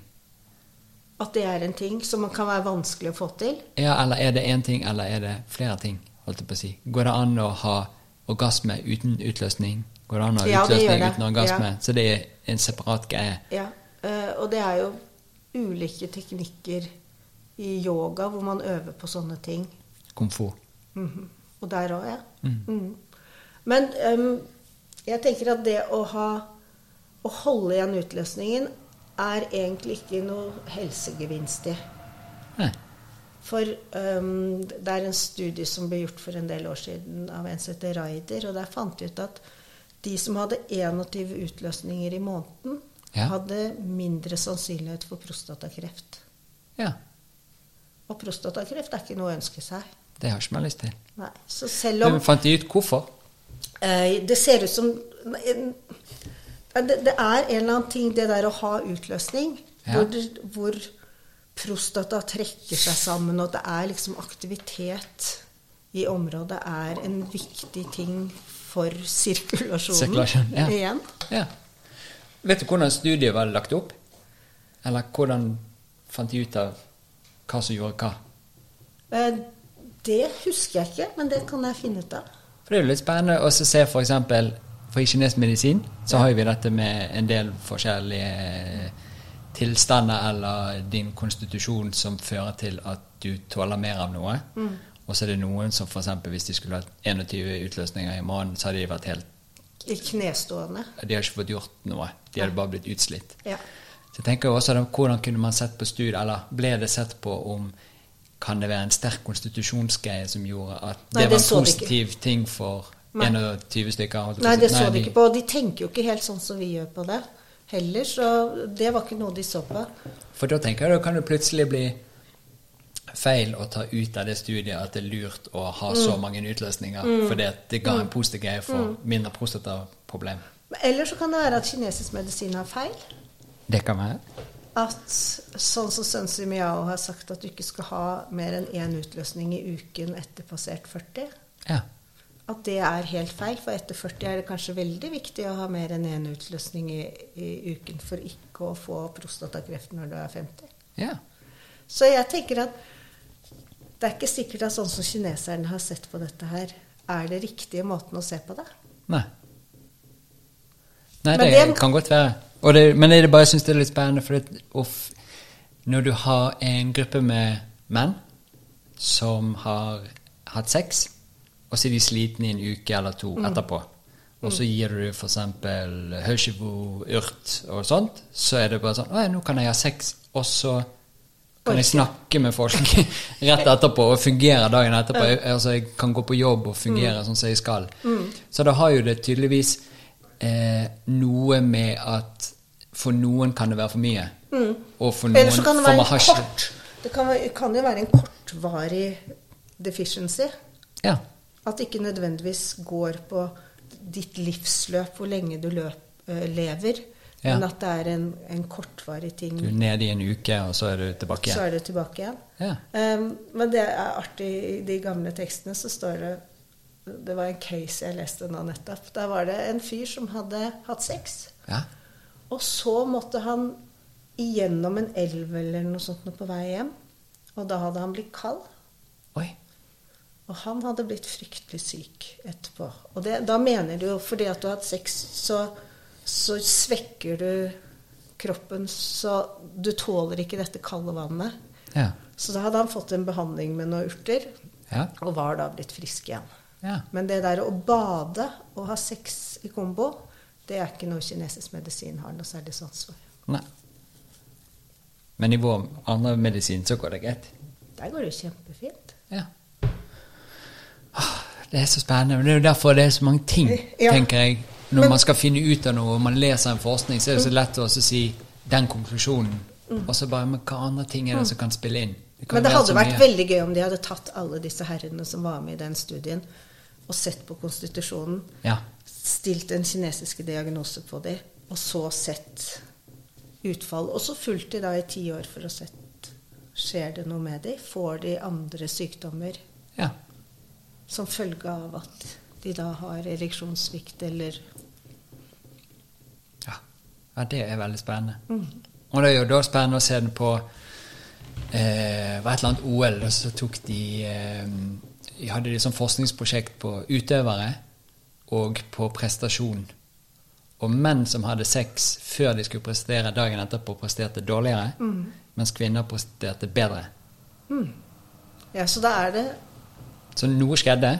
Og så er det spennende med den her eh, studien på kneskader blant eh, håndballspillere. Kvinnelige håndballspillere. Ehm, og i kinesisk medisin, når nyrekien er litt lav, og den styrer knær og litt for andre ting, men da er det en større sjanse for å bli utsatt for, for skader der, så viste det seg Eller i kinesisk medisin så går eh, nyreenergien litt ned f.eks. når man menstruerer. Og det denne studien fant ut, som ikke hadde noen ting med kinesisk medisin å gjøre, var jo det at de fleste kneskadene skjedde når kvinner menstruerte. Det er veldig gøy. Og da er jo det et eller annet så det er, I hvert fall når man har lyst til å finne et svar, så er det jo ikke så det er et eller annet der. Og de har, de har jo funnet svar på at når du da er kald, så er sannsynligheten for å bli forkjølet større. Sånn som vi tenker at Ja. blir du kald, vind, kulde Men har vi funnet ut av det? Ja. I biomedisinen? Har vi det? Ja, for den diskusjonen har jeg hatt med leger som sier at det har ikke noe å si. Å, da må vi finne Da må igjen vi den finne det. eh, artikkelen, og så Ja. må vi bare dundre den ut. Ja, for det er gøy. Det er veldig gøy. For det at vi har jo vokst opp med det, og det er jo mange vi- ting vi har vokst opp med som bare kan være fordi at noen sier sånn og sånn og sånn. Og sånn det kan det jo virker- være i kinesisk medisin òg. At det er ideer og teorier som har blitt funnet på for veldig lenge siden, som kanskje er dårlige resonnementer eller ikke stemmer. Ja. Og der tenker jeg at vi har en jobb å gjøre for å sjekke hvordan teorien vår faktisk stemmer med virkeligheten. ja. At vi ikke bare s- fordi at en lærer har sagt aksepterer at det er sånn. ja. Så jeg tenker at vi må være like kritiske til den til vår egen medisin som vi kanskje 100%. ja. Men begge veier, tenker Ja, jeg. ja, ja. Nei, nei, vi skal være kritiske til alt. Ehm, og det er derfor jeg mener det er så rart med mye forskning. For det, det er så mye forskning som kanskje ikke gir en stor verdi. For vi Mm. henger oss opp i at ja, 21 utløsninger er bra for prostata. Mm. Ja, er det vi sikre på det? ja, den kunne vært gøy å tatt videre. Ja, Mm. for det at, eh, vi har funnet noe, men vi har ikke funnet at det nødvendigvis er sånn. For det kan være andre variabler inn i, Mm. Men i eh, bildet. kan vi ikke gjøre det, da? Forske på det? Ja. Jo. Jeg kan jo ikke Hva gjør jeg? Hva skal jeg gjøre? Nei, Vi må begynne å, å sette opp en problemstilling og hvordan dette kan undersøkes. Ja. Og så kan du eh, Så f- får vi en protokoll på hvordan det gjøres. Mhm. Så tar du alle pasientene som passer inn i dette her, og skriver, eh, skriver nydelig journal Ja. med noen spørreskjemaer før og etter og Wow. Jeg er med. Fint. Ja, da gjør vi det. Enda mer å gjøre. Ja, men det er jo spennende. For det er jo det som jeg Ja, det er derfor jeg av og til blir litt sånn lei av forskning. For jeg leser forskning, hører på forskning, og så blir det bare brukt veldig sånn hypsidehops. Og Mm. spesielt i mediebildet så virker det jo helt eh, vilkårlig og veldig i hvilken retning man vil ha noe. Og Mm. så går du og leser studier som ble henvist til, så bare Dette er jo ikke bra studie i det hele tatt. Og, eh, Mm. Og derfor er det så viktig å kunne lese kritisk det som står der. Så du kan, gjø- du kan analysere og gjøre opp en mening om dette her. Ja. Det tenker jeg er en viktig ting for alle akupunktører å kunne. Du sa for en stund siden inflammasjon. Mm. Eh, er du veldig opptatt av? Ja. Du har ikke sagt noe om det. Nei, men er ikke det litt fint? Og ikke snakke om det? Eller spare det? Spare det kanskje? ja. Jeg, tenker, Er jeg det lurt? snakker jo så fort om inflammasjon i alle settinger. Gjør du? Ja. Men Hva, hva, er, hva er innfallsvinkelen din på inflammasjon? Eh, Jeg er jo så spent på om akupunktur kan gjøre noe med inflammasjon. Og hva er inflammasjon? Det er at kroppen reagerer på indre eller ytre påvirkning Ja. med å lage en betennelsesreaksjon. ja. Og den kan være i blodårene dine og, eh, og dra med seg en hel haug med ugunstige ting for kroppen. Ja. Så det er en f- Ereksjonssvikt kan være forårsaket av inflammasjon. Mhm. Hjerte-karsykdom. ja. Infertilitet. Så det er fatigue, kanskje. ja. Smertetilstander. Depresjon. Så altså det er med å påvirke helsetilstanden vår i alle kategorier. ja. Det er gøy. Hva har du funnet ut, holdt på å si? Eller hva bruker du, eller hva er, hva er din, ditt syn på ting? Mitt syn på det Eller jeg, te- det jeg har lett i, er jo da eh, litteratur som viser at akupunktur kan påvirke inflammasjonsgraden. Ja. Og det ser det ut som det gjør. Ja. Med at det påvirker eh, vagusnerven, Mhm. som i dag igjen sender signaler rundt i kroppen som demper eh, inflammasjonen. Og vagusnerven, det er Eh, den tiende hjernenerven, den vide som er den lengste og har med hjerterytme her øverst og fordøyelse her nederst. Ja. Og det, er- det involverer den flight-fright-responsen. Så der, derfor er det jo om å gjøre å ikke drikke kaffe og være oppi her, Ja. men være her nede, så det er god fordøyelse og ro og fred og lav grad av inflammasjon. Så så lenge vi kan påvirke den nerven eller det systemet, så kan vi få balansert ut dette fight flight som du snakker om, som er dette å løpe med en haug med ulver etter deg, samme som med 400 ubesvarte e-poster eller noe som stresser deg. Så det reagerer kroppen på samme måte. Men vi har lyst til å ta det ned til ro når vi ikke må ha ulver etter oss. Og hva er det som skjer når vi er i ro? Da kan vi fordøye ting, og så kan vi lage barn, og Og det- kroppen kan reparere seg sjøl. Ja. Så når vi hele tiden er aktivert i den øvre delen, fight, flight eller ulv etter oss, så har vi også da en inflammasjon ja, gående i alle kroppen. negative ting som skjer i kroppen, skjer da. Ja. Så da er jo det en fin mekanisme, egentlig, sånn på papiret i hvert fall, at så lenge du klarer å roe den nerven, så går betennelsen ned. Ja.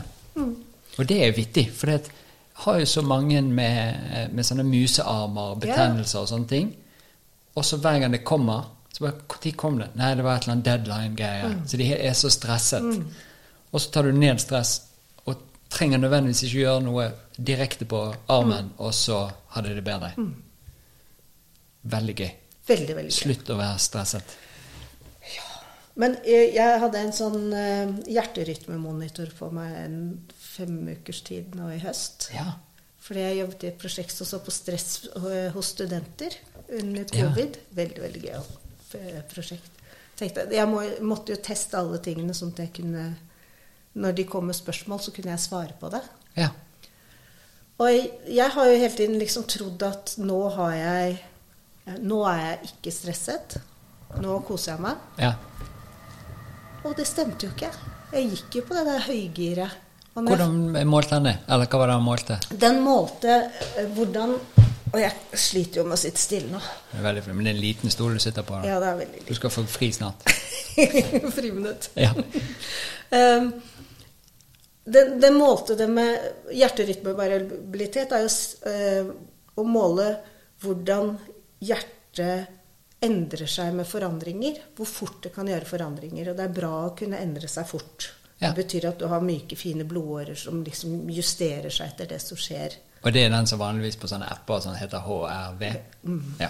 Det er gøy. Det er gøy. For den sier også noe om inflammasjonsgrad Ja. og risiko for hjerte-karsykdom. Ja. Så det, er- og akupunktur påvirker hjerterytmevariabiliteten. Så det henger liksom litt sammen sånn.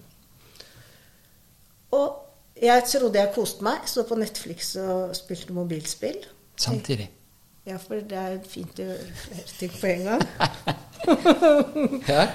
Veldig kinesisk medisin av deg å gjøre. Ja. Ja. Eh, og da piket den på rødt. Og jeg var sikker på at nå samlet jeg poeng her i den grønne, deilige sonen som det er om å gjøre å være i. For du var så til stede med Nei, Jeg tenkte Netflix at dette er jo og alt avslapping på her. Dette er jo ikke jobbing, sant? Dette er jo fritid. Ja. Eh, Jeg ser på en film, og jeg liksom ligger her og gjør litt sånn. Ja. Det koster jo ingenting. Koster mye. Og det gjorde jo det. Ja. Det er ikke å slappe av. Men det er det mange tror. De tror de Ja. slapper av, og så er de koker det. Det koket. Ja, men virkelig, det gjorde det. Og så måtte jeg jo da snakke med Jarle, han som har denne overskuddsappen. Ja. Altså, men jeg, jeg trodde jo jeg var så flink, og jeg har blitt mye roligere enn hva jeg har pleid å være. Og nå kan jeg jo til og med se på TV, det har jeg ikke drevet med før øh, pandemien. Nei. Eh, Altså, hva gjorde du da? Nei, jeg så på en eller annen serie, og så spilte jeg mobilspill. Så jeg, det er ikke å slappe av. Du er ikke til stede. Nei. Og til og med strikking er jo sånn som egentlig går opp i den røde sonen. Ja. Strikking for deg eller for alle? Eh, For en del, hvis man da f- har begynt å bli utslitt, Ja. så er det en, en stress. For mye aktivering. Det er omtrent sånn som 400 e-poster som ikke er svart. Ja. Um, men jeg trodde ikke at dette var i den kategorien. Jeg trodde man må liksom måtte sitte og jobbe og lese forskningsartikler. Det er rødt. ja. Mens TV, det er ikke rødt. Så, d- um, men å være i flow-sonen min når jeg jobbet, Det var greit. det var grønt. Ja.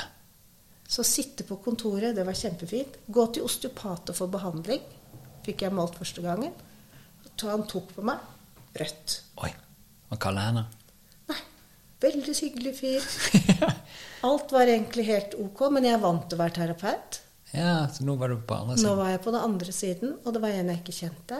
Ja. Og det er pandemi, så vi er ikke så vant til at folk tar på oss. Nei. At, eh, Det var så gøy å måle sånne Ja. sånne ting som vi kanskje ikke tenker på. Og tenk, nå går det masse mennesker rundt som ikke er blitt tatt på På lenge. på lenge. Og jeg kjenner sosiale venner av meg som begynner å synes at dette er ubehagelig med folkemengder. Ja, ja. Ikke fordi de er redd for å bli syk eller noen ting. Nei, de det er bare for er ikke mye trent mennesker. på det. Nei. Det er for mange mennesker. Det er og alt- ganske mye rare ting som foregår nå. Mm. Og alt over én person, det er jo ofte såpass mye at man må gå hjem etter ti minutter. Ja. Wow. Det blir spennende når vi blir Det- sluppet løs igjen. Og da skulle jeg ønske alle kunne hatt på sånne der eh, hjerterytmemålere. Jeg har sånn ring Og som hvordan måler hele tiden. Er det sant? Ja. Så jeg kan også se når jeg ikke Men hva, når er du på grønt, og når er du på rødt? Jeg er på grønt når jeg er til stede. Ja. Ja.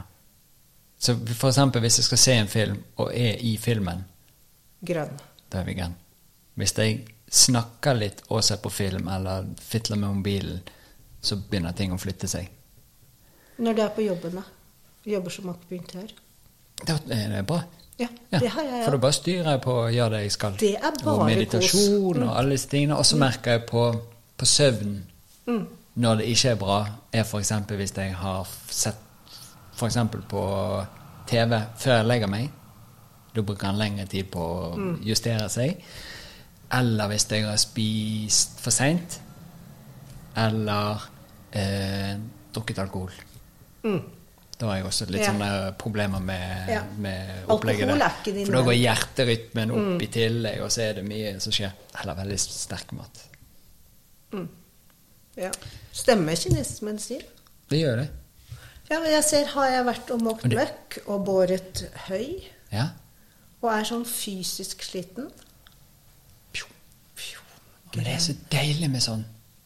Og så er det så deilig at det er enkle, egentlig helt gratis ting som er det som er- funker best. Det er ikke noe sånn at du må ta på deg en masse utstyr og kjøpe masse abonnementer eller noe sånt. Du kan gå ut i naturen i de klærne du har på deg, og så er det det som hjelper. Ja. Så det er ikke en dings eller noe sånt, det er liksom bare tilstedeværelse som er eh, vekkelig. ja. Jeg liker det. Elsker det. Og så liker jeg litt den dingsen som kan måle det, sånn at du kan få en, en Kanskje en bekreftelse eller en retning på om du gjør de riktige tingene. Sånn som når du satt med, med film og telefon og sånn. Sånn, så har man en idé om noe, og så La oss si det er noen som sliter med noe eh, litt mer spesifikt, og så merker de at søvn ikke er bra, og de har en dårlig dag, og så går vi og roter i ja, men 'Hva gjorde du dagen før?' Ja, men det, jeg må alltid gjøre sånn. Jeg må alltid gjøre, men må du alltid gjøre sånn? Kanskje vi tar vekk den aktiviteten, så ikke det er en kronisk Ja. aktivitet. Må du kettlebell swing eh, hver eneste morgen hele tiden og ha en kronisk greie på det, eller kan, vi, kan vi gjøre sånn og sånn og sånn? Og da syns jeg sånne her eh, apper og dingser er, har sånn verdi.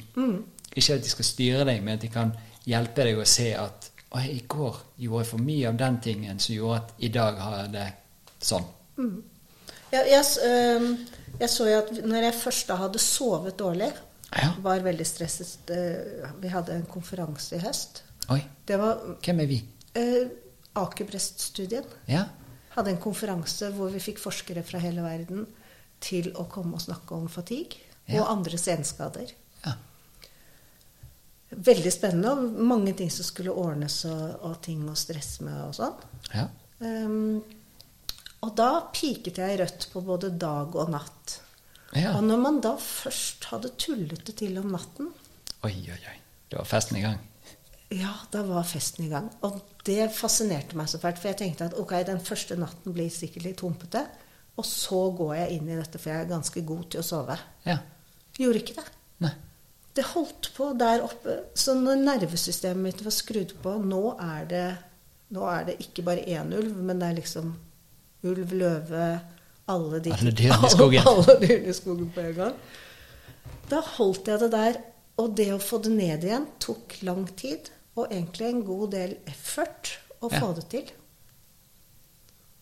Så da var det Hest var jo da igjen nøkkelen for å få det til. Hadde ikke sjans på å få det til selv med rolig ettermiddag med lite stimuli eller noe sånt. Da var det noe som var veldig fysisk og veldig natur, som til slutt fikk den derre ned.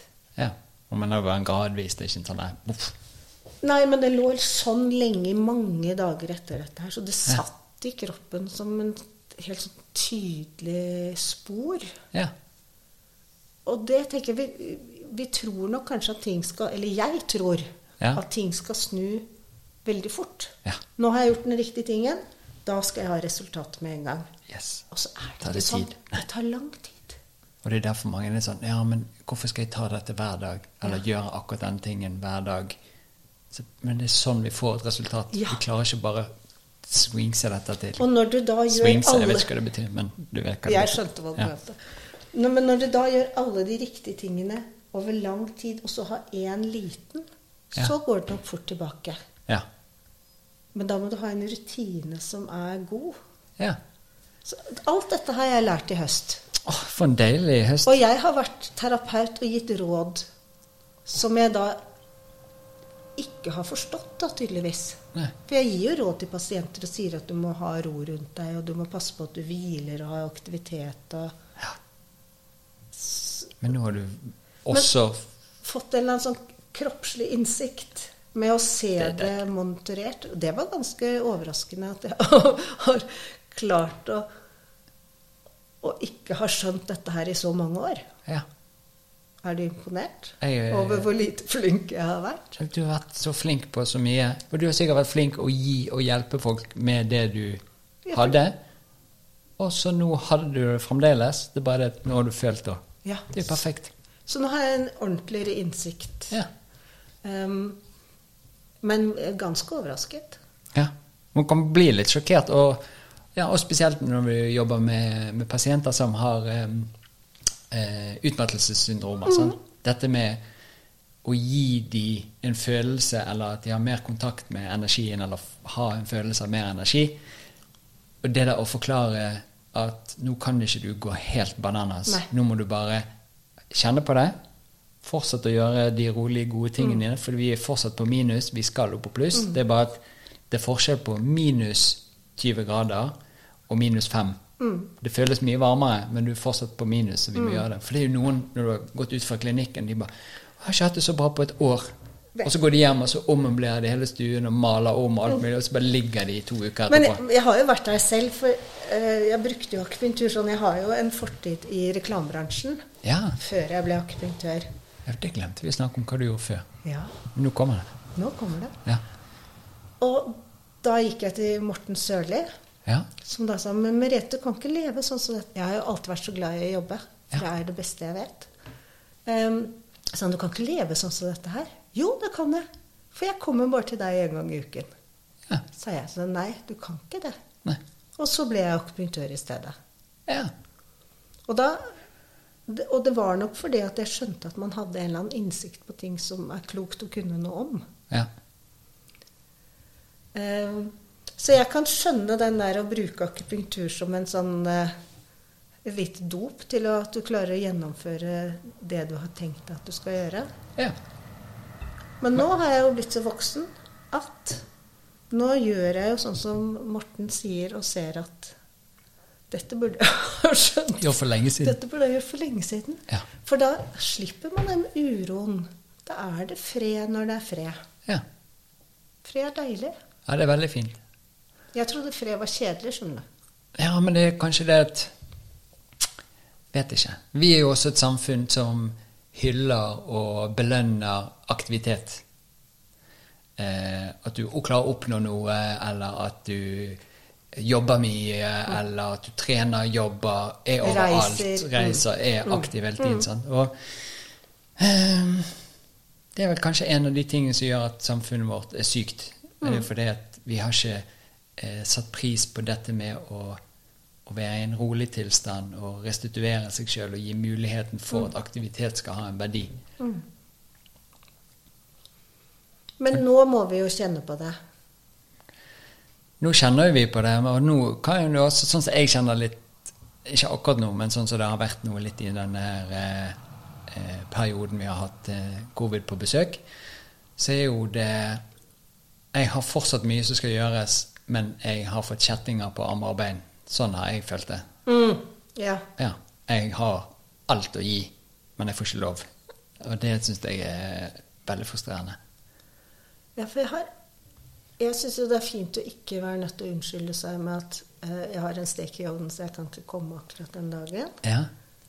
For jeg er jo veldig glad i å være alene. ja.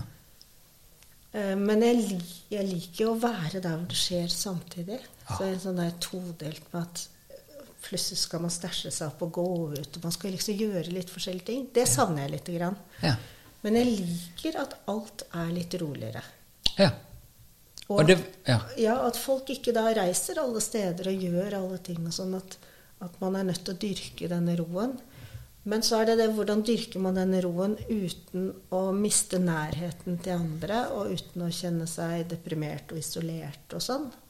For det tror jeg ikke som gruppe at vi har fått til så godt. Nei, Jeg tror ikke jeg heller. Og, og så dette er bare hvordan jeg har sett på ting, og når jeg har møtt ting, og også kjent på meg sjøl. Det er jo også det at i starten, når ting endret seg, så ble vi tvunget til et annet tempo. Mm. Da var det en ro.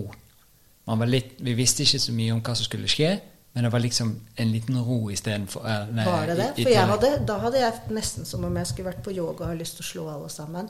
Ok. For da, vi fikk jo ikke være akupunktører da. Nei, vi fikk jo ikke lov til noe. Og det var fælt. Jeg var veldig forfelt. Forfelt, for faktisk. Eh, men ok, så ikke alle. Men sånn som jeg så litt ting, da, Mm. så var det, virket det som at da var noen tvunget til å ha et annet tempo i livet sitt. Mm. Så det ble en, en, en roligere greie. Øynene så litt roligere ut. Traff ikke deg akkurat da. Du hadde sikkert litt, eh, Jeg var litt anspente sånn, ja. øyne. Eh, men så akkurat som nå føler jeg det er flere som er sånn som du beskriver. Det virker som en kortere lunte blant folk du møter på gaten. Du ser på blikkene til folk, de er ikke helt med. Det er akkurat som stress er mer aktivert nå enn det var i starten av eh, pandemien. Ehm, og da tror, er jo ikke roen der. For da er, har man en, en, en indre stressgreie. Ja. Mens vi er tvunget til noe At kanskje vi hadde mulighet nå til å ha det ro, men vi har fokusert mer på å gå i en, i en urolighetsgreie. Jeg vet ikke hva det kommer Ja, fra, men jeg jeg- merker jo det hvis jeg leser aviser, så blir jeg urolig med en gang, for det er jo alt livsfarlig hele tiden. Men dere ser det er en sånn her eh, Jeg tror folk går og venter på at de kan slippe løs litt. Grann. Sånn vårløsning hvor det- alle skal ut på beite. Kuene bare hopper og spretter. Og vi kan reise til Sverige uten at det må masse tester, og at vi kan dra til Syden igjen, og at vi kan begynne å gjøre litt grann ting. Jeg tror jo at vi kommer til å finne ut at vi syns det er slitsomt, for vi er ikke trent til det. at, eh, Men jeg tror den derre Det å ikke ha muligheten, det er det som gjør oss slitne nå. Og jeg møter veldig mange som er utslitte. mm. Og vi gjør jo mye mindre enn vi gjorde for to år siden. Men hvis vi da hadde hatt en sånn måler på, så kunne det vært spennende å se hvor er det hjerterytmen eh, blir påvirket. Ja, men det er nå kanskje kjenner vi det at vi ikke vi kan ikke klemme så mye på familien vår og, og Ja. alle. At det, er- dette er liksom resultatet når man gjør det på ser det på lang sikt. Ja. Ja, for jeg brukte liksom den første tiden, så var jeg helt desp. For da kunne man velge mellom å sykle ja. eller strikke. Eller ja, ikke gå med meg i parken, med god avstand. Men det, det, det klu- kunne jeg ikke da, altså. Nei, du kunne ikke. Så da syklet jeg alt jeg kunne oppover, og alt jeg kunne nedover. Satte meg ned og strikket. Ja. Fikk ferdig masse ting. Var det sånn stram strikking? Han løser fint. Ja, det var stramt. Eh, og så landet jeg lite grann. Ja. Og så skjønte jeg at ok, dette her er ikke så verst. Hvis jeg nå bare kan få kommet meg ut av Oslo, for det var det vi hadde jo ikke lov til å dra ut av Oslo heller. Nei. Så idet vi fikk lov til å dra ut av Oslo, så jeg hadde mer spillerom, så slapp det. Og da tenkte jeg herregud, dette er jo bare det jeg har lyst til. Ri, jobbe. Ja. Og drømme om gård. Og drømme. Ja, For da kan du gjøre mer av det. ja. ja, eller bare det at man kan dra ut til. Ja. Men ha- hvor langt har du kommet i gårdsprosjektet ditt? Ehm, det er andre rundt meg som har kommet lenger. Så jeg venter litt på at de kommer i gang, og så kan jeg besøke litt. Kanskje Ja. pendle litt, og så Ja. kan jeg ta over der. Og, og den du deler hus med, hun gleder seg til Hun elsker jo det, for det at hun kommer jo fra det jeg tenker på som landet. Hun Ja. kommer jo fra Brumunddal. Så der er jo de vant til at ting er landaktig. Sånn. Jeg er jo fra Landås, det er ikke så mye land som det heter Landås. Men, eh, så for meg er jo det mye mer fristende, tror jeg, enn for hun. Ja, for hun syns det er kjedelig. Hun har jo vært der. Ja, men det er jo det som er så fint. Da gjør man Ja. mer av det som er digg. Jeg vet. Så eh, vi er ikke helt enige ennå, men vi har diskusjonen oppe eh, nesten daglig om at eh, det kunne vært en god idé å ha hatt noen geiter og sånn. Og så har jeg jo hatt podkaster med noen andre som har gård, og kjøpt småbruk.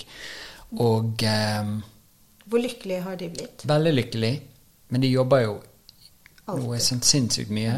Men det jeg føler jeg at jeg gjør her òg.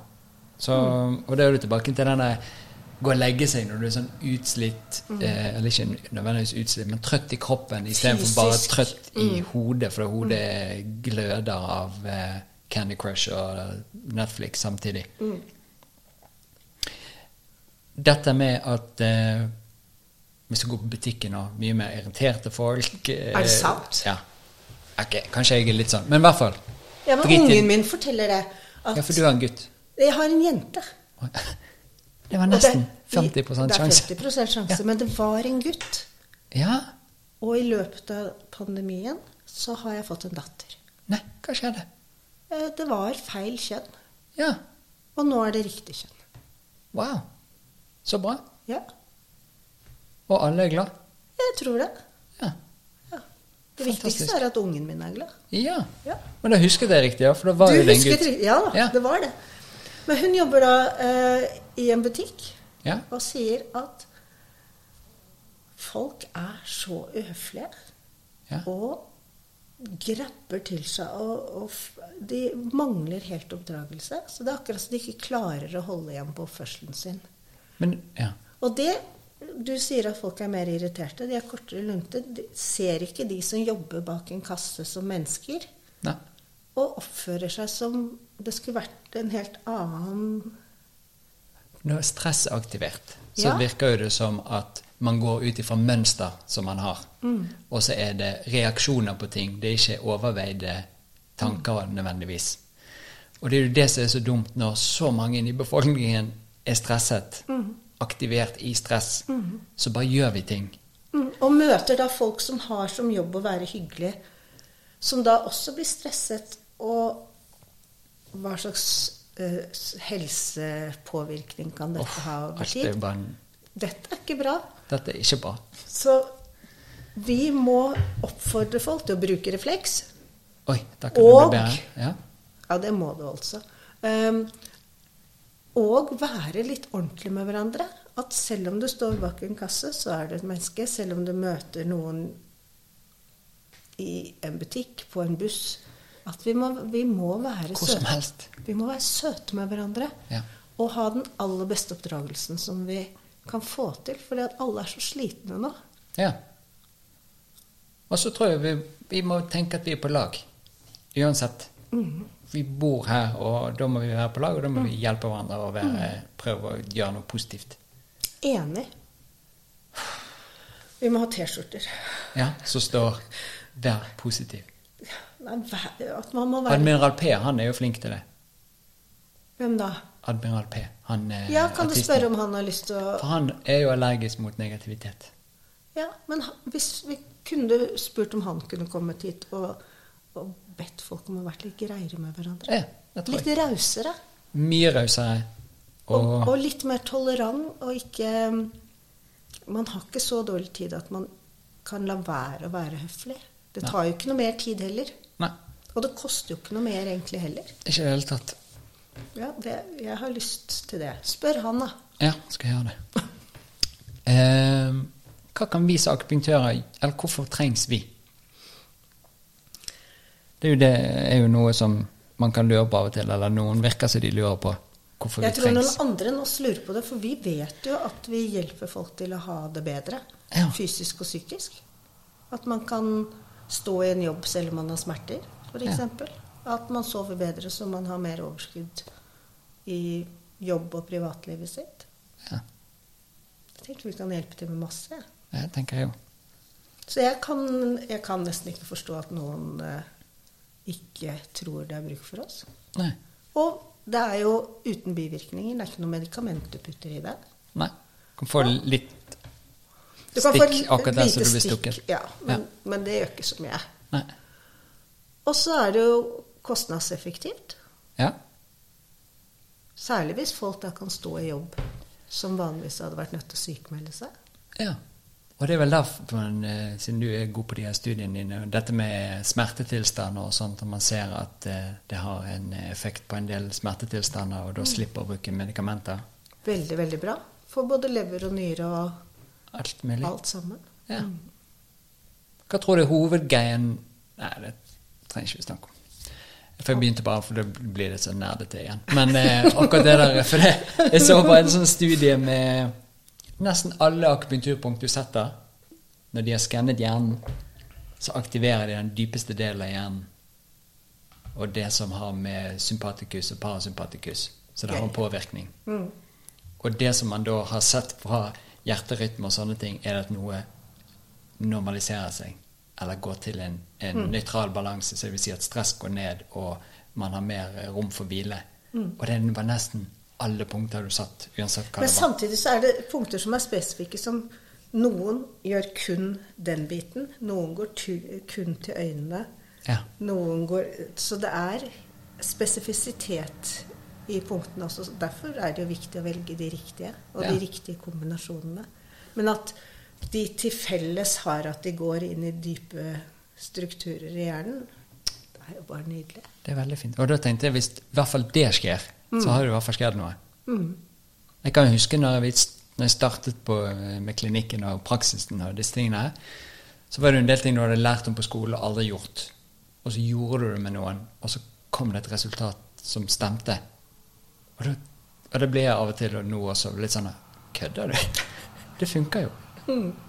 Og så er det jo de gangene det ingenting funker, selv om du gjør helt det riktige, men tydeligvis noe Ja, og man da- overser, eller at det Enten ikke det, funker eller for at, at det er noen non-respondere. Jeg er litt sånn spent på å kunne tenkt meg en studie. For akupunktur går jo på eh, samme reseptor som morfin. Ja. Noen er jo sensitive for det, noen mangler den type reseptorer. Ja. Mammaen min mangler reseptor for Paracet og de der der. ja. Og da hadde det jo vært så gøy å sett på de non-responderne om de hadde en annen reseptorstruktur enn de som er hyperrespondere. Jeg er jo en hyperresponder på akupunktur. Ja. Så ekstremt god effekt. Som jo er så gøy. Det var jo flere studier her nå, da. Vi har egentlig jobb for mange generasjoner. Uff, Må jeg ta mastergrad, da? Mhm, det må det. Er det slitsomt? Det er kjempegøy og litt fælt. Ja? Tror dere jeg har klart det? Ja. Doktorgraden, da? Ja. Ja? Er det bare par år til etter master? Må det være Eh, Tre år, år. eller kan det bare være et resultat? tre artikler, fem artikler hvis du skal gjøre det um, som doktor Filos. Ja, hva betyr det? Doktor Filos. Da gjør du det liksom utenfor et sånt program. Ja. Ehm, men jeg, alt er jo liksom litt sånn pain and pleasure når du skal lære deg noen nye ting. ja. Og hvis man da liker den det konseptet Ja. Jeg liker jo å lære nye ting, men det er ikke alltid jeg liker å lese i veldig mange ting. Men hvis du da plukker det du syns er aller mest spennende, Ja? så, Så tar vi det. er det jo bare gøy å lese om det. Og det er jo vanskelig å ikke finne noe som er gøy om akupunktur. Det er Og veldig det som var morsomt, som jeg leste i går, er at de lurte på om rocket science eh, og Hva var det? Én ting til. Jeg husker ikke. Men om de er da smartere enn andre mennesker? Å ja. Er ikke det. Det er ikke det. Nei. Det er bare det at man gjør det man skal, systematisk. Ja. Og vet retningen hvor du vil. Vet det. Mhm. Du skal til månen. Det gøye med å reise til månen, for eksempel, er jo at det er veldig konkret hvor du skal. Altså Mm. hva målet ditt er. Så det er en veldig god retning Mm. Men jeg har jo ingenting lyst til det. Har du? til månen. nei. Nei, jeg vet ikke hva jeg skulle gjort der. jeg. Nei, jeg syns det virker Det blir mer litt sånn eh, tatt selfie, jeg har vært på månen. Det er ikke noe sånn Jeg vet ikke hva jeg skulle gjort der. Jeg, Nei, flere hva- andre ting her på jorden Ja. jeg har lyst til å finne ut av eh, før jeg skal på månen. Ja, for det her er det jo så masse spennende, og så mange ting jeg lurer på som er ubesvart, Ja. og som jeg ikke har prøvd. Tenk. Jeg må jo gjøre det først. ja. Ja, månen eh, Nei. Nei. Det er ikke månen. Men det er jo også en veldig deilig ting å vite. eh, At dette skal jeg ikke gjøre. Ja, for det kan jo hjelpe deg til å finne ut hva du skal. Mhm. Og særlig når vi snakket om at her er enda en studio, her er enda en studio her er en, sant? Ja. Vi har jo liksom tonnevis av ting vi kan ha lyst til å gjøre. Ja. Jeg snakket med en som driver en business. De hadde møte hver eneste uke på ting som var helt sånn sinnssykt gode ideer. Men de måtte skrinlegge, for de skulle holde seg til det de hadde, Ja. for det funket. Og sånn er det å Og da skrive ble de så masteroppgave. deprimert hver gang de måtte si nei til det. Men de ble glad på sikt, for det ble mindre støy og tull og Ja. fjas. Og så klarte de å holde seg til den greiene. Ja. Mens jeg litt mer oh, Der lyste det litt, der blinket det litt, og så løp jeg rundt og rota. Men eh, eh, master handler om egentlig å finne alle de der ja, Det er månen. Det er den gøye ideen, men den skal vi ikke gjøre nå. Ja. For det her er problemstillingen og det jeg skal undersøke. Jeg syns det var kjempedeilig. For jeg er jo sånn som også er blinkende ting. Ja. Men da i Oi, dette var spennende å lese om. Dette var spennende å lese om. Ja. Men da visste jeg at jeg skal bare lese om alle disse tingene her. ja. Og der var det feil ord. Du kommer i bunken som ikke skal leses. Det ble Ja. som en sånn månetur. ja. Det var- Rask liten mannetur.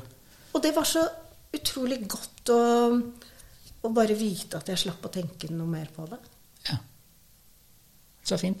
Så jeg tenker det ble det også mer ro av. å- Å få sortert litt sånn Skille det gode fra det, og sånn der tarmproblematikk som du fortalte Ja. om i starten. Det er litt sånn. Ja. Dette skal jeg beholde, dette skal jeg ikke ha. Bare la det gå. Bare la det gå ut. Litt sånn som med følelser. Alle Ja. følelser trenger ikke vi å føle på. Det kan Nei. komme, og så kan det få gå. Ja. Og med en gang vi holder på noe, så bl- skjer det alltid et eller annet som man mest sannsynligvis ikke er keen på. Men jeg tror gøy er noe som folk trenger lite grann Mm. nå. Mye. Ja. Og lov å gjøre gøye ting Ja. istedenfor at noe er bestemt at det skal være gøy, for at nå er du så gammel, nå skal det være gøy. Noe som ikke er gøy, som jeg ikke syns det er så gøy, eh, for jeg syns det er sk- skummelt, det er skrekkfilmer. ja. Og vi skal ha en innspilling av første episode av skrekkfilmpodkast etterpå. Oh. Hva syns du om det? Jeg syns skrekkfilm er altfor skummelt. Yes. Eh, Jeg, også, jeg liker ikke at folk, å se at folk er i fare, sånn, og at det er skumle ting som er så skumle og slemme som jeg ikke kan forestille meg engang. Jeg har ikke lyst til å vite om det. Så jeg vil egentlig Jeg liker heller filmer som Hva er det de heter, da? Eh, The Good Heart. Sånn derre sånn, som har gode titler. Og det kan godt hete noe med engler. Et Å eller annet ja. sånt. Sånn at jeg Engler og demoner. Liker du demoner? Nei, engler og demoner. Er ikke det en Engler. sånn der eh, Jo, det er en sånn en der er det skumle. Men jeg liker liksom sånn at man vet at det er det gode som vinner. Ja. Det er trygt og godt. Trygt og godt. Og at eh, de slemme blir på en måte bekjempet med de gode midlene. Ja. Det liker jeg. Deilig. Så skrekkfilm mm, mm, mm. Ja, nå må jeg begynne å se en skrekkfilm i uken for å snakke om det. Og Marte, kjæresten min, syns ikke det er en god idé. for hun Altså, synes det du må er se litt deg alene på dagtid. du, da. sånn- Kan være. Vi får se. Jeg gleder meg til å høre hva du syns. Ja, jeg òg. Og Om du blir Jeg så ødelagt av det. 'Eksorsisten' nå nettopp. Hva var det skumleste med den? At jeg har sett den før. Mhm. Og det var Og- litt kjedelig, da, eller? Nei, men den er jo egentlig ikke så skummel. Fordi at eh, Jeg liker mer sånn der Men Her var jo alt så lett å se. Mm. Men det er sånne eh, ting som ikke du får helt taket på, det syns jeg er stress. Men er det litt sånn derre overnaturlig-aktig Er skrekkfilmer litt sånn? Noen er jo det, og noen er jo bare onde. Grøssere, sånn onde folk. Som ikke trenger å være noe overnaturlig. De er bare kjipe med å forbinde de og kutte de med ting. Og... Trenger ikke sånn, jeg. Ikke jeg heller, men det er jo, noe, det er jo tydeligvis noen som trenger det, siden det fins. Ja, og d- kan du da spørre henne hva er motivasjonen for å se sånn Hva er det man får av det? Det skal jeg. Om man da Hvorfor liker man å vite noe om alt dette onde? For er det produktivt? Jeg vet ikke om det er ond, det er ond. Jeg har lest en artikkel, og der har de eh, undersøkt Jeg vet ikke om det var en forskning, men de har fått undersøkt litt. Grann, og da var det dette med eh, Folk med angst hadde godt av å se skrekkfilm, for det var en kontrollert fare som gjorde at de ble koblet av angsten, hvis du skjønner. Jøss. Yes. Så derfor kunne det bli brukt som noe bra. Eksponeringsterapi? Kanskje eksponering, men heller eh, veldig mye av angst er jo for noe man egentlig ikke trenger å være redd for. Ja. Ehm, og her er det en annen ting du ikke trenger å være redd for, som du kontrollerer. Og veldig mye av angstting er jo noe som gjerne kommer i- frem i tiden, som du ikke har sjanse å kontrollere. Her er det det samme, men du kan kontrollere det, for du kan stoppe det, du kan skippe det, du kan ta pause, du kan gjøre hva som helst. Og så var det en mekanisme som skjedde. Jøss. Så kanskje det er noen som bare liker at ting er skummelt. Noen kanskje får en fri fra å tenke på sine egne eh, bekymringer. Eller kjenne på angst eller sånne ting. Og kanskje det gjør det verre for noen. Jeg aner ikke. Men eh, det, dette må du finne ut av. Jeg skal finne ut av For det. som dette liksom, bare- her er eh, Jeg tror ikke jeg er så veldig angstaktig av meg i utgangspunktet. Nei. Ikke jeg heller. Så, så jeg skjønner liksom ikke vitsen. Det er litt sånn som med måneting. Skjønner ikke. Nei. Hvorfor, hvorfor skal jeg gjøre det? Det er ikke så gøy. Nei. De- Dette er jo en sånn typisk episode som jeg har, der vi bare roter rundt og snakker om alt mulig. Og det syns jeg er veldig gøy. Eh, håper jo folk som hører på også syns det er gøy. På et eller annet tidspunkt, en annen dag, for nå har vi holdt på en stund, og du har vært flink å sitte i ro, så kan vi snakke om noe spesifikt. For nå vet vi litt hvem du er, og hva du driver med, og så kan vi snakke om én ting. Og kanskje ikke akupunktur. Kanskje ikke det. Eller kanskje vi skal fortsette å snakke om akupunktur og ta en episode med bare det. en annen gang. Hvorfor hvisker vi nå? Ikke de, sånn at ikke de skal høre oss. Ja. Ok. Du, tusen, tusen takk for at du kom på besøk. Det var gøy å veldig være på kjekt. besøk. Og du har samme tyggelsen som du startet med. Nei. Mhm. Å, nå har du tatt flere? Tok du når jeg var nede og åpnet døren i sted? Veldig snikete. Tusen takk. Eh, nå kommer denne her. Å, kult. Adjø. Yeah,